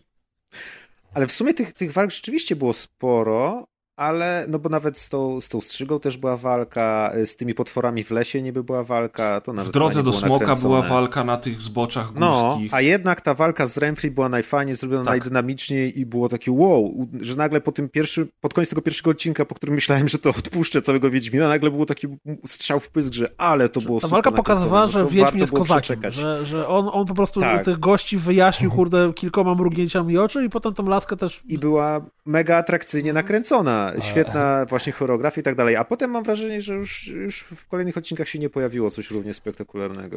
A na przykład, jak oceniacie cameo naszego, naszej polskiej gwiazdy? Musiało być, nie? Musiał Ktoś się pojawić. zauważył? Poza tym no w ogóle tak, nie no, było jeszcze o, o tym o przed Siri. premierą. Co mówisz? Mówię, że nie powiedzieliśmy jeszcze o trzeciej w zasadzie głównej postaci nic. Bo No- właśnie moim zdaniem to jest chyba najsłabsza kreacja. Aczkolwiek też czytałem opinię, że właśnie ona była taką ciapą i tutaj jest taką ciapą. Czy ja, ja nie przypadam za... Cały jej wątek był taki, tu chodzi, tutaj coś w lesie. Znaczy, no wiesz, to jest dziecko, nie wiem. które uciekło z zamku i jest w zagubione czasie w, wojny, w lasach. okupacji, W nie? trakcie wojny, więc ja nie wiem, jak ona może nie być ciapą. To jest Smutną. I w książkach, Znaczy nie, no, w ona w ogóle ma było chyba to 12 samo. lat w książce, a tutaj oczywiście tak nie wygląda. No oczywiście, że jest, że jest podstarzała, tak samo jak podstarzyli wszystkie postaci w Grze o Tron, jak zrobili serial. Ja się nad Tak, tym tak. zastanawiałem, czy Ciri nie jest za stara. Ale doszedłem do wniosku, że to chyba nie jest problem. To, że ona jest trochę to, starsza, że chyba nie jest problemem, bo... Tak, to jest problem. Ja, ja miałem Jennifer z taka książek, młoda. tylko znowu, czytałem to 100 lat temu, więc nie, nie cytujcie mnie, ale ja miałem taką wizję, że to była taka fajna, dysfunkcyjna rodzina. To znaczy, była sobie Mhm. Yennefer z Geraltem, którzy byli niczym rodzice i Ciri, która była ewidentnie ich dzieckiem. A tutaj mamy... Bardzo źle to? pamiętasz. No, Bardzo źle okej. pamiętasz. A tutaj bardziej to jest Ciri, mogła być siostrą Yennefer. Tak, tak, to jest to, y, ale bardzo źle pamiętasz, jeśli chodzi o fabułę, dlatego że no, jakby ten, e, te, ten notion, który masz w To głowie jest teraz, growy, to tak? takie podsumowanie. Nie, nie, nie, nie, nie, nie, nie, to jest z książek. To jest, to jest z grubsza prawda. Natomiast y, oni w książkach bardzo rzadko się ze sobą spotykają i każde z nich ma swój osobny wątek Tak, no fabularny. przecież połowa tak sagi jest w ogóle o tym, że on szuka Ciri, nie? Przecież on Ciri znajduje chyba dopiero w czwartej księdze z pięciu, nie? A, Więc to już wiesz, machnęli wszystko w jednym sezonie, będą mieli z górki, zrobił drugi i Ja koniec. też, ja też, bo ja przeczytałem w liceum po raz pierwszy całą sagę i to jest, uwaga, nigdy nie przeczytałem ostatniego tomu, po czym w 2015 roku przed mm, premierą gry Wiedźmin 3 znowu przeczytałem wszystkie książki i znowu skończyłem na czwartym tomie, więc ja nigdy nie przeczytałem piątego tomu, no ale chcąc grać w, jakby w grę Wiedźmin 3, która bardzo dużo z tej fabuły ukazuje, dowiedziałem się tego, jak się, jak się kończy tom piąty, natomiast teraz po serialu wróciłem do gry i zamierzam też ten piąty tom wreszcie przeczytać. I chciałem z wami porozmawiać o czymś innym, bo Wszyscy zgodnie doszliśmy do wniosku, że nie byliśmy zażenowani po tym serialu. To już jest chyba sukces, nie? Powinniśmy się z tego cieszyć. Że to było na tyle przyjemne, że obejrzeliśmy to w miarę szybko. Że mamy dużo zastrzeżeń, ale ostatecznie, bo wszyscy jesteśmy dalecy od zachwytu, ale wszyscy mówimy, ej, to, to się dobrze obejrzało, było okej. Ja na przykład jestem absolutnie przekonany o tym, że to jest wszystko kwestia budżetu idę o zakład, że po tym ogromnym sukcesie, który oni zdobyli teraz, y, po premierze pierwszego sezonu, drugi sezon zdmuchnie czapki z głów, bo oni rzucą w nich pieniędzmi. A czy nie tak samo było z Grą o Tron? Bo ja tylko pierwszy sezon kiedyś No oglądałem. nie, no i w też... O Tron jakby było mało rzeczy pokazanych w pierwszym sezonie tego typu, ale już na dzień dobry tam budżet był całkiem... Znaczy, Grze o budżet Tron był większy, tak, ale że że- potem był jeszcze większy. Ja pamiętam, Tak, ta, był, miała być tak. bitwa w pierwszym sezonie i ona Właśnie, wyglądała tak, że właśnie. pięć osób leżało Bitwa na była trawie. tak, że no. Jeden chodzi, z bohaterów dostawał w łeb na początku bitwy i budził się po niej, bo wiesz, takie, o, już jest po Tak, bitwie, bardzo tak, dobrze. ale nie, no. Jak tam bitwa? W porządku, a u ciebie? No, No, całkiem no. nieźle. Dokładnie, której catering budżet, przyjeżdża na że plan. rozmachu nie było w tym serialu, jeżeli chodzi o właśnie starcia. A, a potem o... widziałem zwiastuny kolejnych sezonów i tam już się działo, nie? Tam już widać było porządnie. Ten... No Także- później też za dużo było tego, ale w ogóle tutaj w Wiedźminie też mamy jakieś potyczki. Też widziałem, że ludzie y, krytykują chociażby taktykę wojenną właśnie Kalantę, która dostaje łupnia szarżą konną. No, ta pierwsza walka, walka rzeczywiście jest taka średnia. Wiesz, bitwa pod Sodem bitwa. była ogromna, a w serialu Ale nie, to, to wygląda jak ustawka za śmietnikami. Znaczy ja mówię o W tym, bitwie co pod wcześniej. masz No tak, no. 22 magów versus i kilku wieśniaków versus tam y, 200 żołnierzy. Tak, i ta co właśnie. Oddziały, Ta, ta tak. trisz, jak w książce było całą 30 blokadę tysięcy wojsk y, chłopskich słomy, plus magowie, nie? Piękne. Widzieliście blokadę, pamiętacie blokadę ze słomy? To było była chyba. magiczna No, to jak słoma wyglądało. Forest Wall. Magiczna fasolka. Ale, ale słuchajcie, ale przejdźmy do tego fenomenu, którym okazał się sukces tego serialu, bo te 97% pochlebnych opinii od użytkowników, yy, wszelkie rekordy oglądalności pobite nie tylko w Polsce, ale i na świecie, powrót graczy do Wiedźmina, gdzie po raz pierwszy w historii na Steamie 100 tysięcy aktywnych Więcej graczy naraz grało w? Wiedźmina 3. I Sapkowski, który w trakcie dobre. świąt Bożego Narodzenia 2019 przebił popularnością na amerykańskim Amazonie. Stephena Każdy w Kinga Amazonie przebił. i Tolkiena. Kumacie, nie? Sapkowski Stephen King najlepiej- siedział w domu i grał w Wiedźmina, nie miał czasu jest. sprawdzać. Dokładnie. I nagle, I nagle masz takie, ja pierdolę, Teraz jak to się zazim... powinni go przebrać za takiego szlachcica i powinien Znaczy dla mnie niesamowite jest to... Razem z Ja Wałęsą, nie? Polski. Dla mnie niesamowite jest to, bo to, to, to najbardziej, jak to jest tylko i wyłącznie możliwe, pokazuje, jaką moc ma e, serial Netflixowy. Który wcale nie został przez krytyków podniesiony ku niebiosa, tylko Albo nagle, nagle ludzie ogólnie. po prostu się No. rzucili na książki, nie? Nagle ludzie rzucili się na gry, wrócili do tego świata. To jest w ogóle fenomen. Nawet po grach się tak nie rzucili na książki, mimo że Wiedźmin 3 wciąż jest, Tak. jest teraz uważany za grę dekady, a propos końca dekady, nie? Bardzo Tak, tak, często tak, się tak. pojawia, więc Ja nawet właśnie- taka gra tak nie przyciągnęła jak serial. Co drogą No. ciekawe, jaką miał oglądalność w porównaniu do gry, powiedzmy, nie? Czy więcej było graczy w Wiedźmina, czy oglądaczy serialu?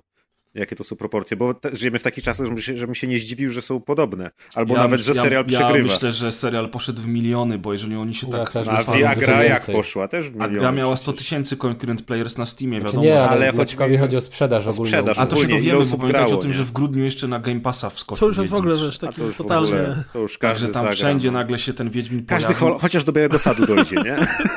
Ja zacząłem grać, bo tak nie wiem, czy pamiętacie, że ja, Ja po wam 50 przypomnę a godzinach straciłem savey. że w tym roku podawali Tak, ale miałeś 40 milion baniek sprzedanych Wiedźminów. Tak. No, to jest bardzo dużo. No. E, I ja wróciłem do gry po pięciu latach od premiery. Nie wrzuciłem ani jednego moda graficznego, mimo tego, że nawet na premierę wrzucałem. I zacząłem w tę grę grać. Jestem rozpierdolony, jak to jest dobra gra. I ja się nie dziwię, że ona no jest raczej. teraz przez wielu y, wymieniana jako gra dekady. Jestem w szoku, jak to wygląda, jak ten świat żyje, co się dzieje w ogóle na najdalszym, malutkim nawet planie, jak Nie, napisane są Premonition nie dialogi. grali, dlatego... Co, co, co, co? Mówię, że Deadly Premonition nie grali. To możliwe, możliwe. Jakby zagrali, to pewnie by Deadly Premonition wy- wygrało. Natomiast ja wróciłem w ten świat po prostu pchnięty tym serialem i jak, jak widać, na każdego z nas to w jakiś sposób wpłynęło. Moja mama po serialu powiedziała natychmiast, dawaj mi pierwszy tom opowiadań, chcę to czytać. I to jest piękne, jak to wszystko się rozwinęło. A, a propos tego, co mówiliśmy na początku, tych trzech linii czasowych. Przecież Wiedźmin 3 otwiera się w takim miejscu, że ty nie masz prawa wiedzieć, o co chodzi. Kim jest Wesemir? Co to jest za szkoła dla Wiedźminów? Kim jest Ciri? Kim jest Nilfgaard? Dlaczego to już jest trzecia inwazja? Przecież to wszystko jest w pierwszych 30 minutach gry. I tam jakoś nie było problemu z tym, że ja nie wiem o co chodzi, gdzie są Ale w ogóle podpisy. ta gra jest, ja powiedzcie mi, bo ja powiem szczerze, nie wiem, czy ona jest na przykład bezpośrednio powiązana z jedynką i z dwójką? E, I tak i nie. Fabularnie? Nie? Tak i nie. A, Czyli Natomiast można jedy- zacząć od trójki czy Możesz od zacząć dwójki? od Możesz trójki, zacząć potem masz... spokojnie od ja, trójki. zaczę... ja przecież nie grałem w jedynkę i w dwójkę, bo nie miałem na czym. Zacząłem w trójkę, zadawali mi jakieś pytanie, co się działo, więc ja losowo klikasz tak, nie tak. E, Możesz spokojnie zacząć. E, Problem jest większy. Trójka jest cholernie mocno połączona z książkami. I Aha. to wszystko, co. ja co, co książek jest, nie czytałem i To mi wszystko, co jest motorem więc napędowym To książek. zależy, ile chcesz wyciągnąć pewnie, nie? Nie, no wiesz, to jest bardzo połączone. Oczywiście, że potem wchodzisz w ten świat, zaczynasz go poznawać, zaczynasz kleić się, y, co, co, co się dzieje w polityce, o co chodzi z lore, na przykład, ale na początku jest bardzo dużo rzeczy, które są nie tylko nawiąz nawiązaniami do książek, ale też chociażby do drugiego Wiedźmina gry, do, do Zabójców Królów. Natomiast absolutnie nie musisz grać w jedynkę i w dwójkę, żeby zacząć od trójki, tylko po prostu chciałem nawiązać do tego, o czym mówiliśmy o serialu, że ludzie są zdziwieni, że są trzy linie czasowe teraz raptem i że oni nie potrafią się w tym połapać, kiedy Wiedźmin 3, kiedy zaczynasz tę grę, otwiera przed tobą dużo bardziej skomplikowaną historię, lore i przeszłość, której ty w ogóle nie No znasz. to jak ci ludzie zagrają w grę, to też będą krytykować. Może. Szczególnie ten koleś, który powie, pierwsze 20 godzin gry nudne, więc wgrałem save'a, nie wiem o co chodzi, 2 na 10. Save'a z 80 godziny. Tak. nie? To ładne podsumowanie. Coś jeszcze chcecie na temat Wiedźmina? Ja chciałem wrócić do Siri na moment, że ja zazwyczaj nie jestem fanem dziecięcych postaci, bo jest bardzo mało dzieci, które potrafią dobrze grać. No tutaj ona nie jest może jakimś dzieckiem, już jest taką nastolatką, ale byłem zaskoczony, jak dobrze zagrała różne rzeczy, nawet lepiej niż jej koledzy z planu. I naprawdę jej wierzyłem, kiedy ona właśnie marzła, kiedy była zagubiona, kiedy się chowała, kiedy była przerażona, kiedy odkrywała te moce, kiedy nie potrafiła ich kontrolować, kiedy no, wszystkie te emocje były super według mnie zagrane. Wy- Wydaje mi się, że to była naj, najlepsza rola w tym serialu, co było dla mnie bardzo O. dziwne, ale najbardziej mi przypadła.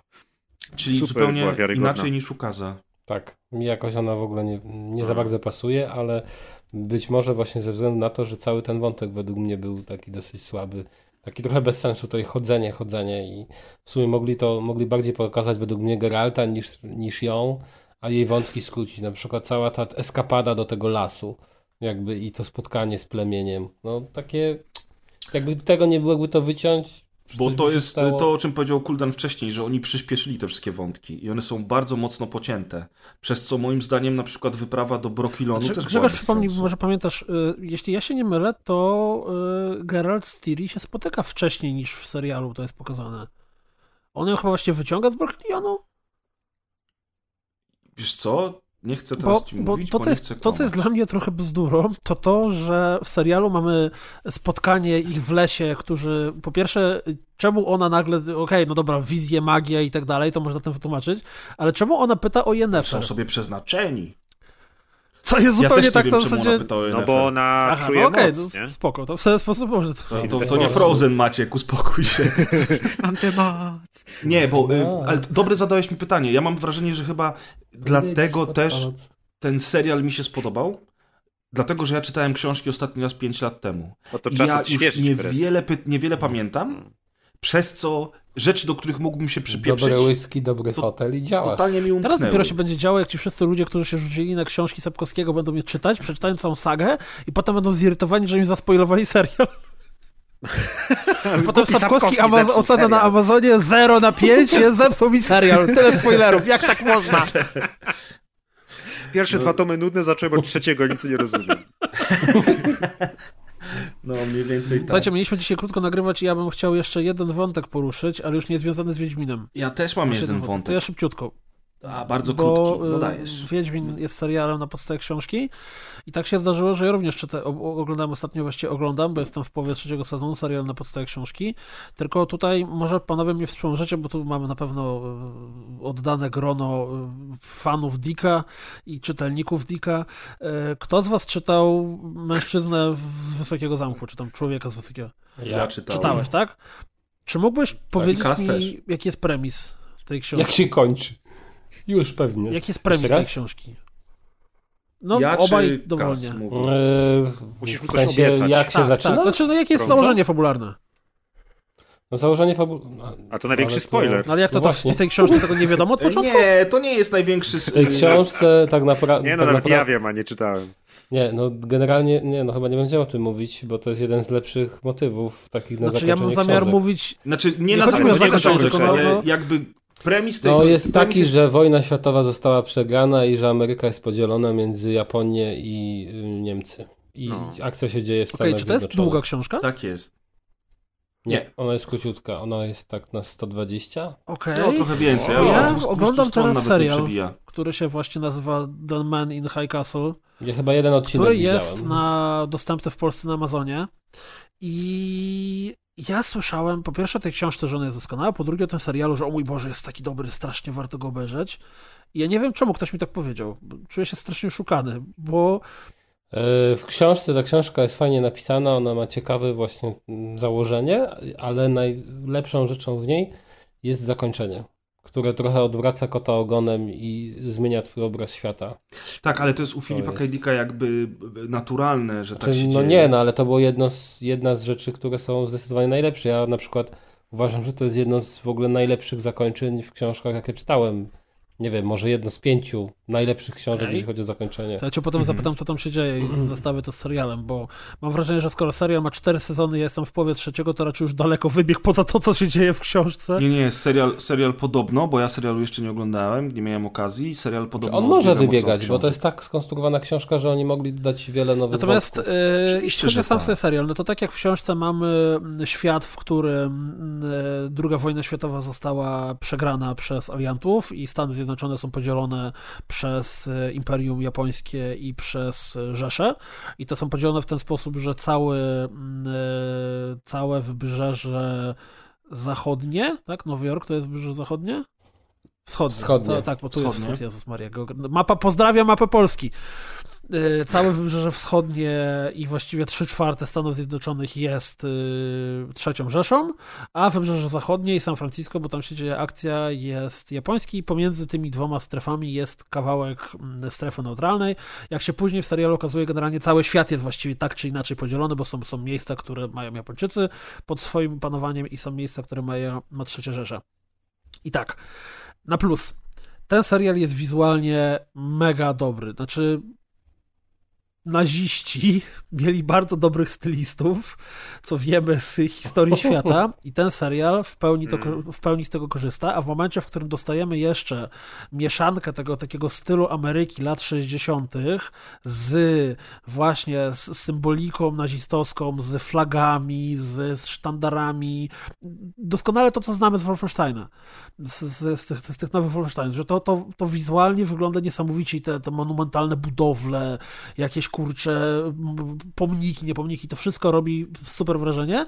I zwłaszcza, że mamy to zestawione z zupełnie innym podejściem do y, japońskich y, klimatów, gdzie San Francisco właściwie, gdyby nie to, że wiesz, że to się dzieje akcja w San Francisco, nie poznałbyś go, bo równie dobrze to mogło być Tokio albo coś w tym stylu, bo, bo y, władze w pełni doprowadzają do tego, jak wygląda nasz świat.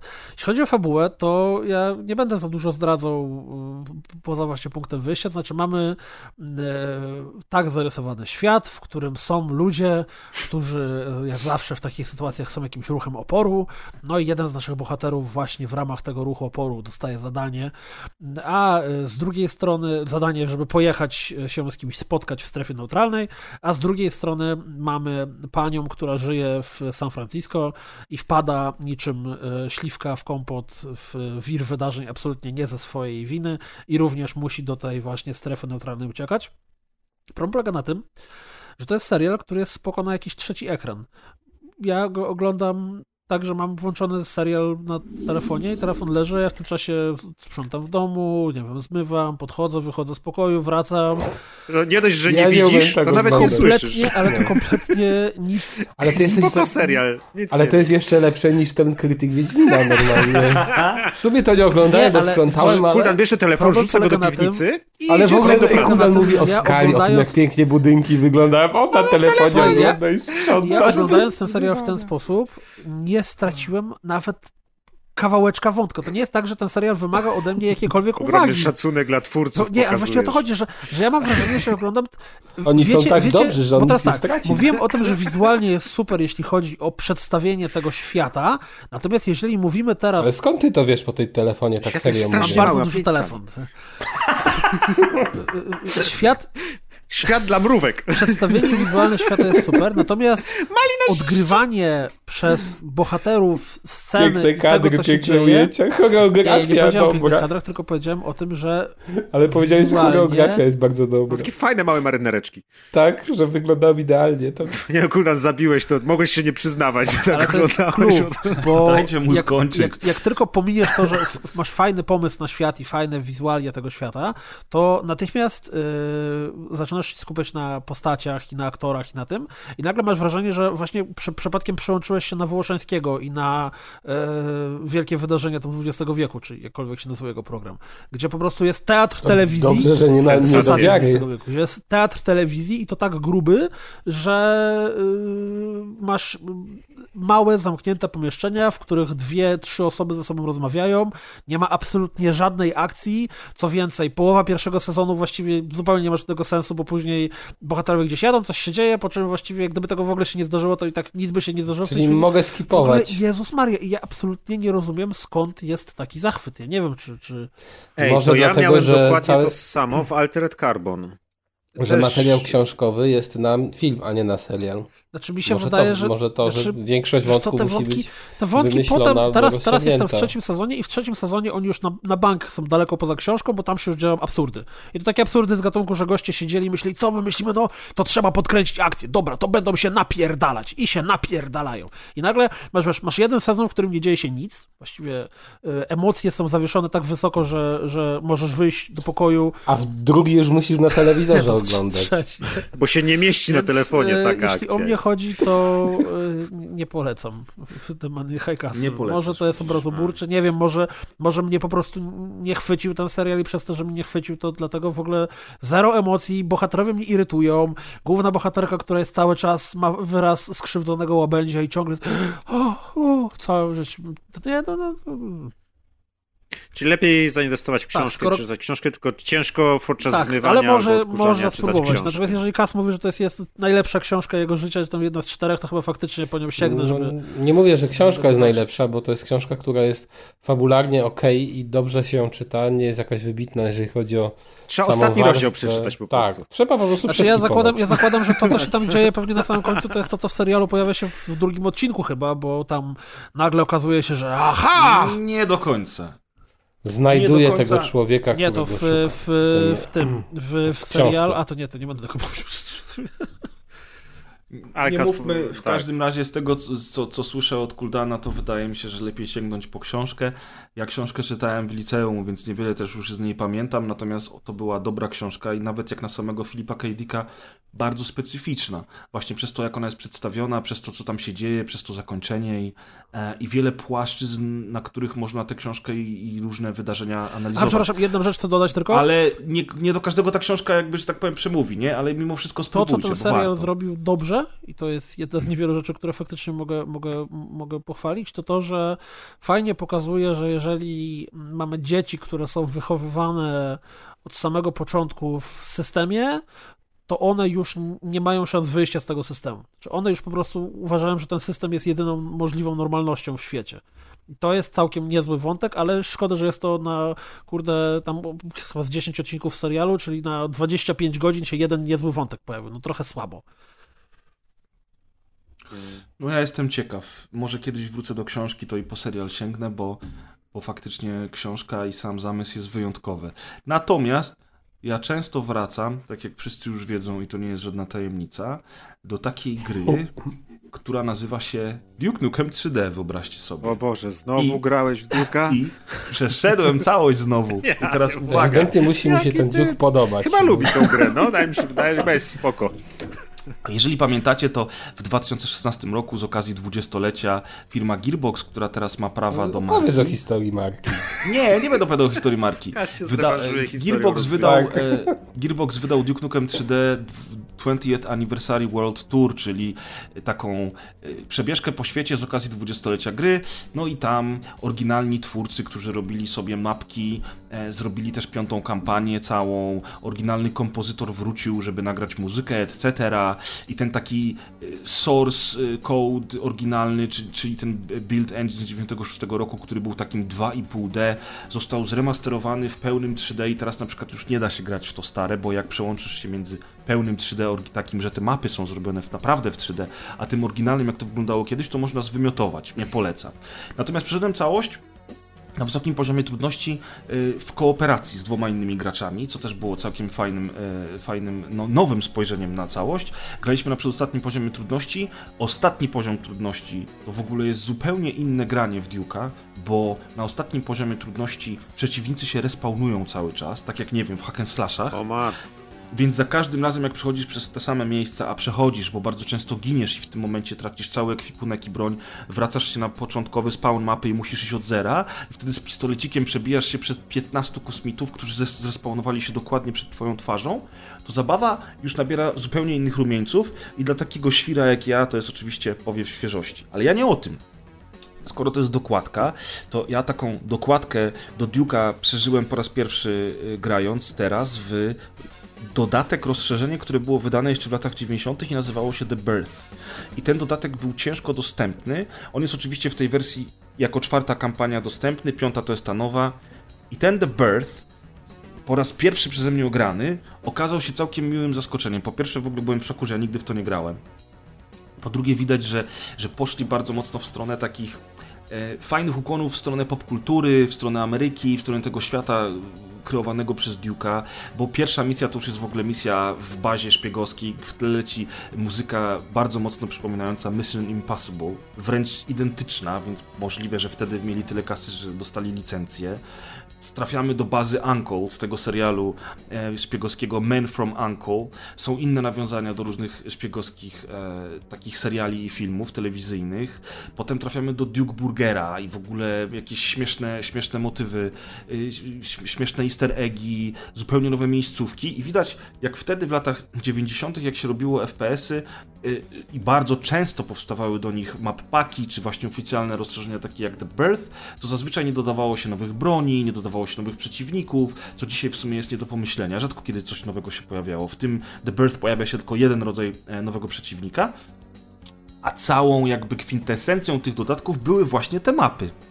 No i na podstawie Duke'a fajnie widać, że każda mapa jest o czymś innym, że można znaleźć y, y, pieska, który jest nawiązaniem do Scooby-Doo i go zastrzelić, że można trafić na pocztę, że można trafić do Babelandu, gdzie jakaś dziwna myszka, której ja kompletnie nie poznaję, y, jest naszym przewodnikiem i gada jakieś rzeczy i mamy totalnie seksistowskie dowcipy w stylu takiej przejażdżki, wiecie, wagonikami, jak w, jak w Wesołym Miasteczku, które nazywa się The Decup Ride, albo Babes of the Caribbean i oczywiście wszystko jest seksistowskie, żarty są niesmaczne, a Duke jest dalej czerstwy. No i oczywiście możemy trafić po raz pierwszy w, w tym dodatku na easter egg z Larą Croft która wygląda trochę bardziej seksy niż wyglądała w swoich grach. No i tak w dużym skrócie chciałem wam tylko powiedzieć o tym, że jestem bardzo zaskoczony, że po tych wszystkich latach z Duke'em, tak jak mówiłem, wielokrotnie do niego wracam, ten dodatek dopiero po raz pierwszy trafił w moje ręce, czy po raz pierwszy do niego zasiadłem i że grało mi się w niego naprawdę dobrze. I Kuldan ostatnio przy okazji recenzji Ion Fury na e, odcinku regularnym rozgrywki pytał się mnie, czy Ion Fury jest lepsza od oryginalnych gier typu Duke i Blood? I ja mówiłem wtedy, że na pewno ma bardziej rozbudowane lokacje, na pewno ma jakby ciekawszy ten design świata, ale szczerze mówiąc, grając sobie w tego Duke'a po raz enty i oglądając te wszystkie y, nowe lokacje w tym również, to nie czułem się, żebym jakoś, żeby jakoś on odstawał od tego, co dopiero zagrałem e, przy okazji Ion Fury. Ale oczywiście ja jestem szalony, gram w to e, przynajmniej raz w roku i jestem do tego tak przyzwyczajony, że być może po prostu muzyka, teksty, bronie i przeciwnicy to dla mnie jest coś takiego, że ja się czuję jak w domu i może ktoś inny, na przykład Kuldan powinien kiedyś ocenić te gry z perspektywy czasu. Pewnie nigdy tego nie zrobi, bo nie będzie mu się chciało w to grać. No ale Niestety, obawiam się, możesz mieć rację. Tak, na pewno mam rację. Ja wiem o tym, że mam rację. Ale... Zagra ostatni etap i powie 2 na 10, nic nie rozumiem. No i, ale na przykład no, w ogóle na końcu, na końcu tego The Birth walczymy z królową kosmitów, która jest w tajnej bazie pod wodą. Cała ostatnia bitwa z bossem jest świetna, bo dzieje się tylko pod wodą. Musimy łapać powietrze wypływając w określonych miejscach. Naprawdę, jak na Duke'a Nukema, to powiem wam szczerze, że byłem zaskoczony, jak fajnie przemyślana jest e, cała ta ostatnia walka z bossem, a potem już za ciosem, ponieważ przeszliśmy wszystkie trzy kampanie z podstawki, przeszliśmy tą kampanię z dodatku The Birth, to zagraliśmy też w kampanię piątą, czyli tą, o której opowiadałem wam kiedyś na rozgrywce. I powiem wam szczerze, że mocno czuć, mimo tego, że to są różne kraje i że one są inaczej stylizowane i tutaj jesteś najpierw e, we Francji, w Amsterdamie, potem w Moskwie, jesteś, potem trafiasz do Stanów, jesteś na e, tym moście w San Francisco, Golden Bridge bodajże, czy Golden Gate, to jednak czuć mocno, że te misje, które zostały wydane na dwudziestolecie przez tego Gearboxa z tym okropnym Randy Pitchfordem, którego internet tak bardzo nie lubi, są trochę zrobione jak skok na kasę niestety. Mimo tego, że tam technologicznie jest duża poprawa. No i to by było na tyle. Słyszę po waszych reakcjach, że jesteście zafascynowani Ja już moją instaluję generalnie już. Już. No, już Drugi będę etap powoli i kończył. potem ten. Mnie ciekawi, mnie ciekawi, y, czy naprawili cycki Larze Croft, bo to Ale są nie, te nie, czasy, bo- kiedy jeszcze miała te takie trójkątne, czy nie? Tak, tak, oczywiście, tylko że Lara Croft w, w swojej grze była zrobiona w pełnym trójwymiarze, natomiast ta Lara Croft, która pojawia się jako easter egg w dodatku The Birth, jest zwykłym sprite'em, nie? Takim jak Mm, wszystkie postaci w grze. Zwykłym sprite. Zwykły Czy sprite. jest też pragnienie? Wolę 7-up. Przykro mi. Przykro mi, moi drodzy. To, to by było na, na tyle, jeżeli chodzi o dzisiejszy odcinek. Ja wam dziękuję za spotkanie. Ja tylko chciałem podsumować tego Wiedźmina, który w zasadzie był najważniejszy i dla którego się dzisiaj tutaj spotkaliśmy, że ja naprawdę liczę bardzo mocno na to, że oni dostaną teraz odpowiedni budżet i dzięki temu kolejny sezon będzie dużo lepszy, tym bardziej, że już zapowiedziano, że kolejny sezon nie będzie miał swojej premiery w roku 2020, tylko w roku 2021. Więc jeżeli będą mieli więcej czasu i więcej pieniędzy, to ja naprawdę mocno im kibicuję i mam nadzieję, że kolejne sezony będą po prostu dużo lepsze. I że będę rozsławać Polskę. Ten serial. Uwielbiam, jak Kas tak patriotycznie myśli narodowo. Z takim zacięciem, prawda? Słychać to w jego głosie. On już, on już by Sapkowskiego na plecach nosił, żeby tam rozsławać Polskę za granicą. Nie, mu Na skrzydła własnych. dodam. Jednego dnia będzie jak Husarskie husarz, takie, no. drugiego dnia jak sarmata. Się zrobi to. Damy radę, to już pisz biznesplan Kaz. Albo niech zrobi taką książkę, gdzie Wiedźmin się przenosi do realiów. Nie, no ale przecież. Sapkowski nie napisał tam narrenturą? To nie były właśnie jakieś tego typu klimaty? Tak, to, To były. już się nie przebije. I on generalnie rzecz biorąc, on generalnie rzecz biorąc w ogóle uważa, że to jest jego opus magnum. Ta trylogia właśnie... od On uważa, że gra nie przyniosła mu popularności. Nie, nie, nie, nie. To jest, to jest No tam, więc- wiesz, Temat na inną... To jest temat na inną rozmowę. E, Dawno w i nieprawda. w, i, i, i- w ogóle generalnie rzecz biorąc, ja się cieszę, że to się wszystko tak ładnie połączyło. Że CD Projekt Red podpisał z nim nowy kontrakt, że serial się dobrze przyjął. Że Być może za- Open Air na Openerze No właśnie, a, to, a propos tego, że CD. Projekt podpisał z nim nowy kontrakt, jak myślicie, będzie czwarty Wiedźmin? No bo CD Projekt, pod- jeżeli ktoś z naszych słuchaczy nie No słyszał, to CD będzie. Projekt podpisali z panem Andrzejem kontrakt, dzięki któremu mogą robić kolejne gry, e, merchandise e, i gry planszowe i komiksy. Właściwie Netflix ma tylko i wyłącznie filmy i seriale, a wszystko inne ma CD Projekt Red. A ciekawe, czy by się odważyli zrobić na przykład e, grę na bazie serialu. To by dopiero było. Przecież gra o Tron tam się doczekała. Mobilek chyba, jakiś. czegoś. Wiesz, ale to chyba, chyba trochę by było za dużo y, kombinowania, wydaje mi się. Wydaje mi się, że, że bardzo dobre jest to, że książki są książkami. Kto nie chce czytać książek, teraz będzie mógł obejrzeć sobie serial, żeby poznać z grubsza te same wydarzenia, a później może kontynuować historię tego świata. Ej, ale jakie to jest niezłe, bo przecież właściwie dzień po premierze serialu, dzień po premierze serialu, Komiksy. seriala, serialu, serialu, serialu. e, pojawił się mod, który podmieniał modele postaci na modele, posta- znaczy modele postaci zrobione, zainspirowane e, Henrym Cavillem i tak dalej. Więc teraz, ponieważ Henry Cavill jest PC Master Race i uwielbia grać na PC i w ogóle uwielbia w Wiedźminę, grał w Wiedźminę na PC i dlatego chciał go zagrać, może zagrać samym sobą na tym, to jest w ogóle już double e, ten we, Na pewno on też zrobił tego to go moda, bo deeper. już wiesz. On jednym, e, jedną ręką ćwiczył jeans. fechtunek, a drugą tego moda programował Maciek, nie? Na planie tam serialu. Dobrze, że moda programowa. Uf, już się bałem, że coś ręką innego. można dużo rzeczy robić. tak. I chyba na tym już zakończymy. To jeszcze idealnie, jeszcze idealnie to zaraz wam wyślę, bo teraz na początku roku były rozdane Golden Globe Awards, znane bardziej przez przemowę Rickiego G- Georgisa, Hayek też tam wyszedł. Ale właśnie chciałem pokazać, jakie złote globy miała Salma Hayek, to wam potem wyślę. Mam dobre zdjęcia. Tak, Dziękujemy. Tak a propos piersi Ona ma NFL dobre serialu, globy, nawet tak? nie złote. tak. A wiecie, że my dalej nagrywamy odcinek? Nie, bo jeszcze nie, znaczy tak, bo jeszcze nie się Jeszcze nie zakończyłeś po raz, nie powiedziałeś do widzenia, żegnam. Powiedz ładnie do widzenia. Żegnam. Zaraza. Ładnie do widzenia. Do widzenia.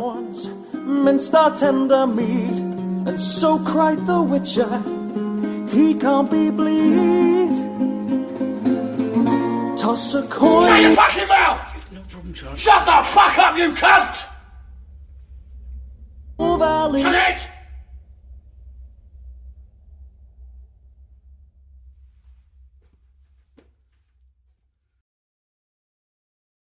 Chcesz, Kuldan, wiedzieć, jak się kończy książka? Jasne. Nie, To ja ci opowiem, co było, w, jak to jest w serialu wymyślone. Tylko to może... to sobie na czacie pogadajcie. Znaczy nie, to Poczekaj, ja też zostałem pożegnajmy. chwilę, więc... Ja muszę tylko zapisać. Po co pożegnaj? Pożegnamy Maćka.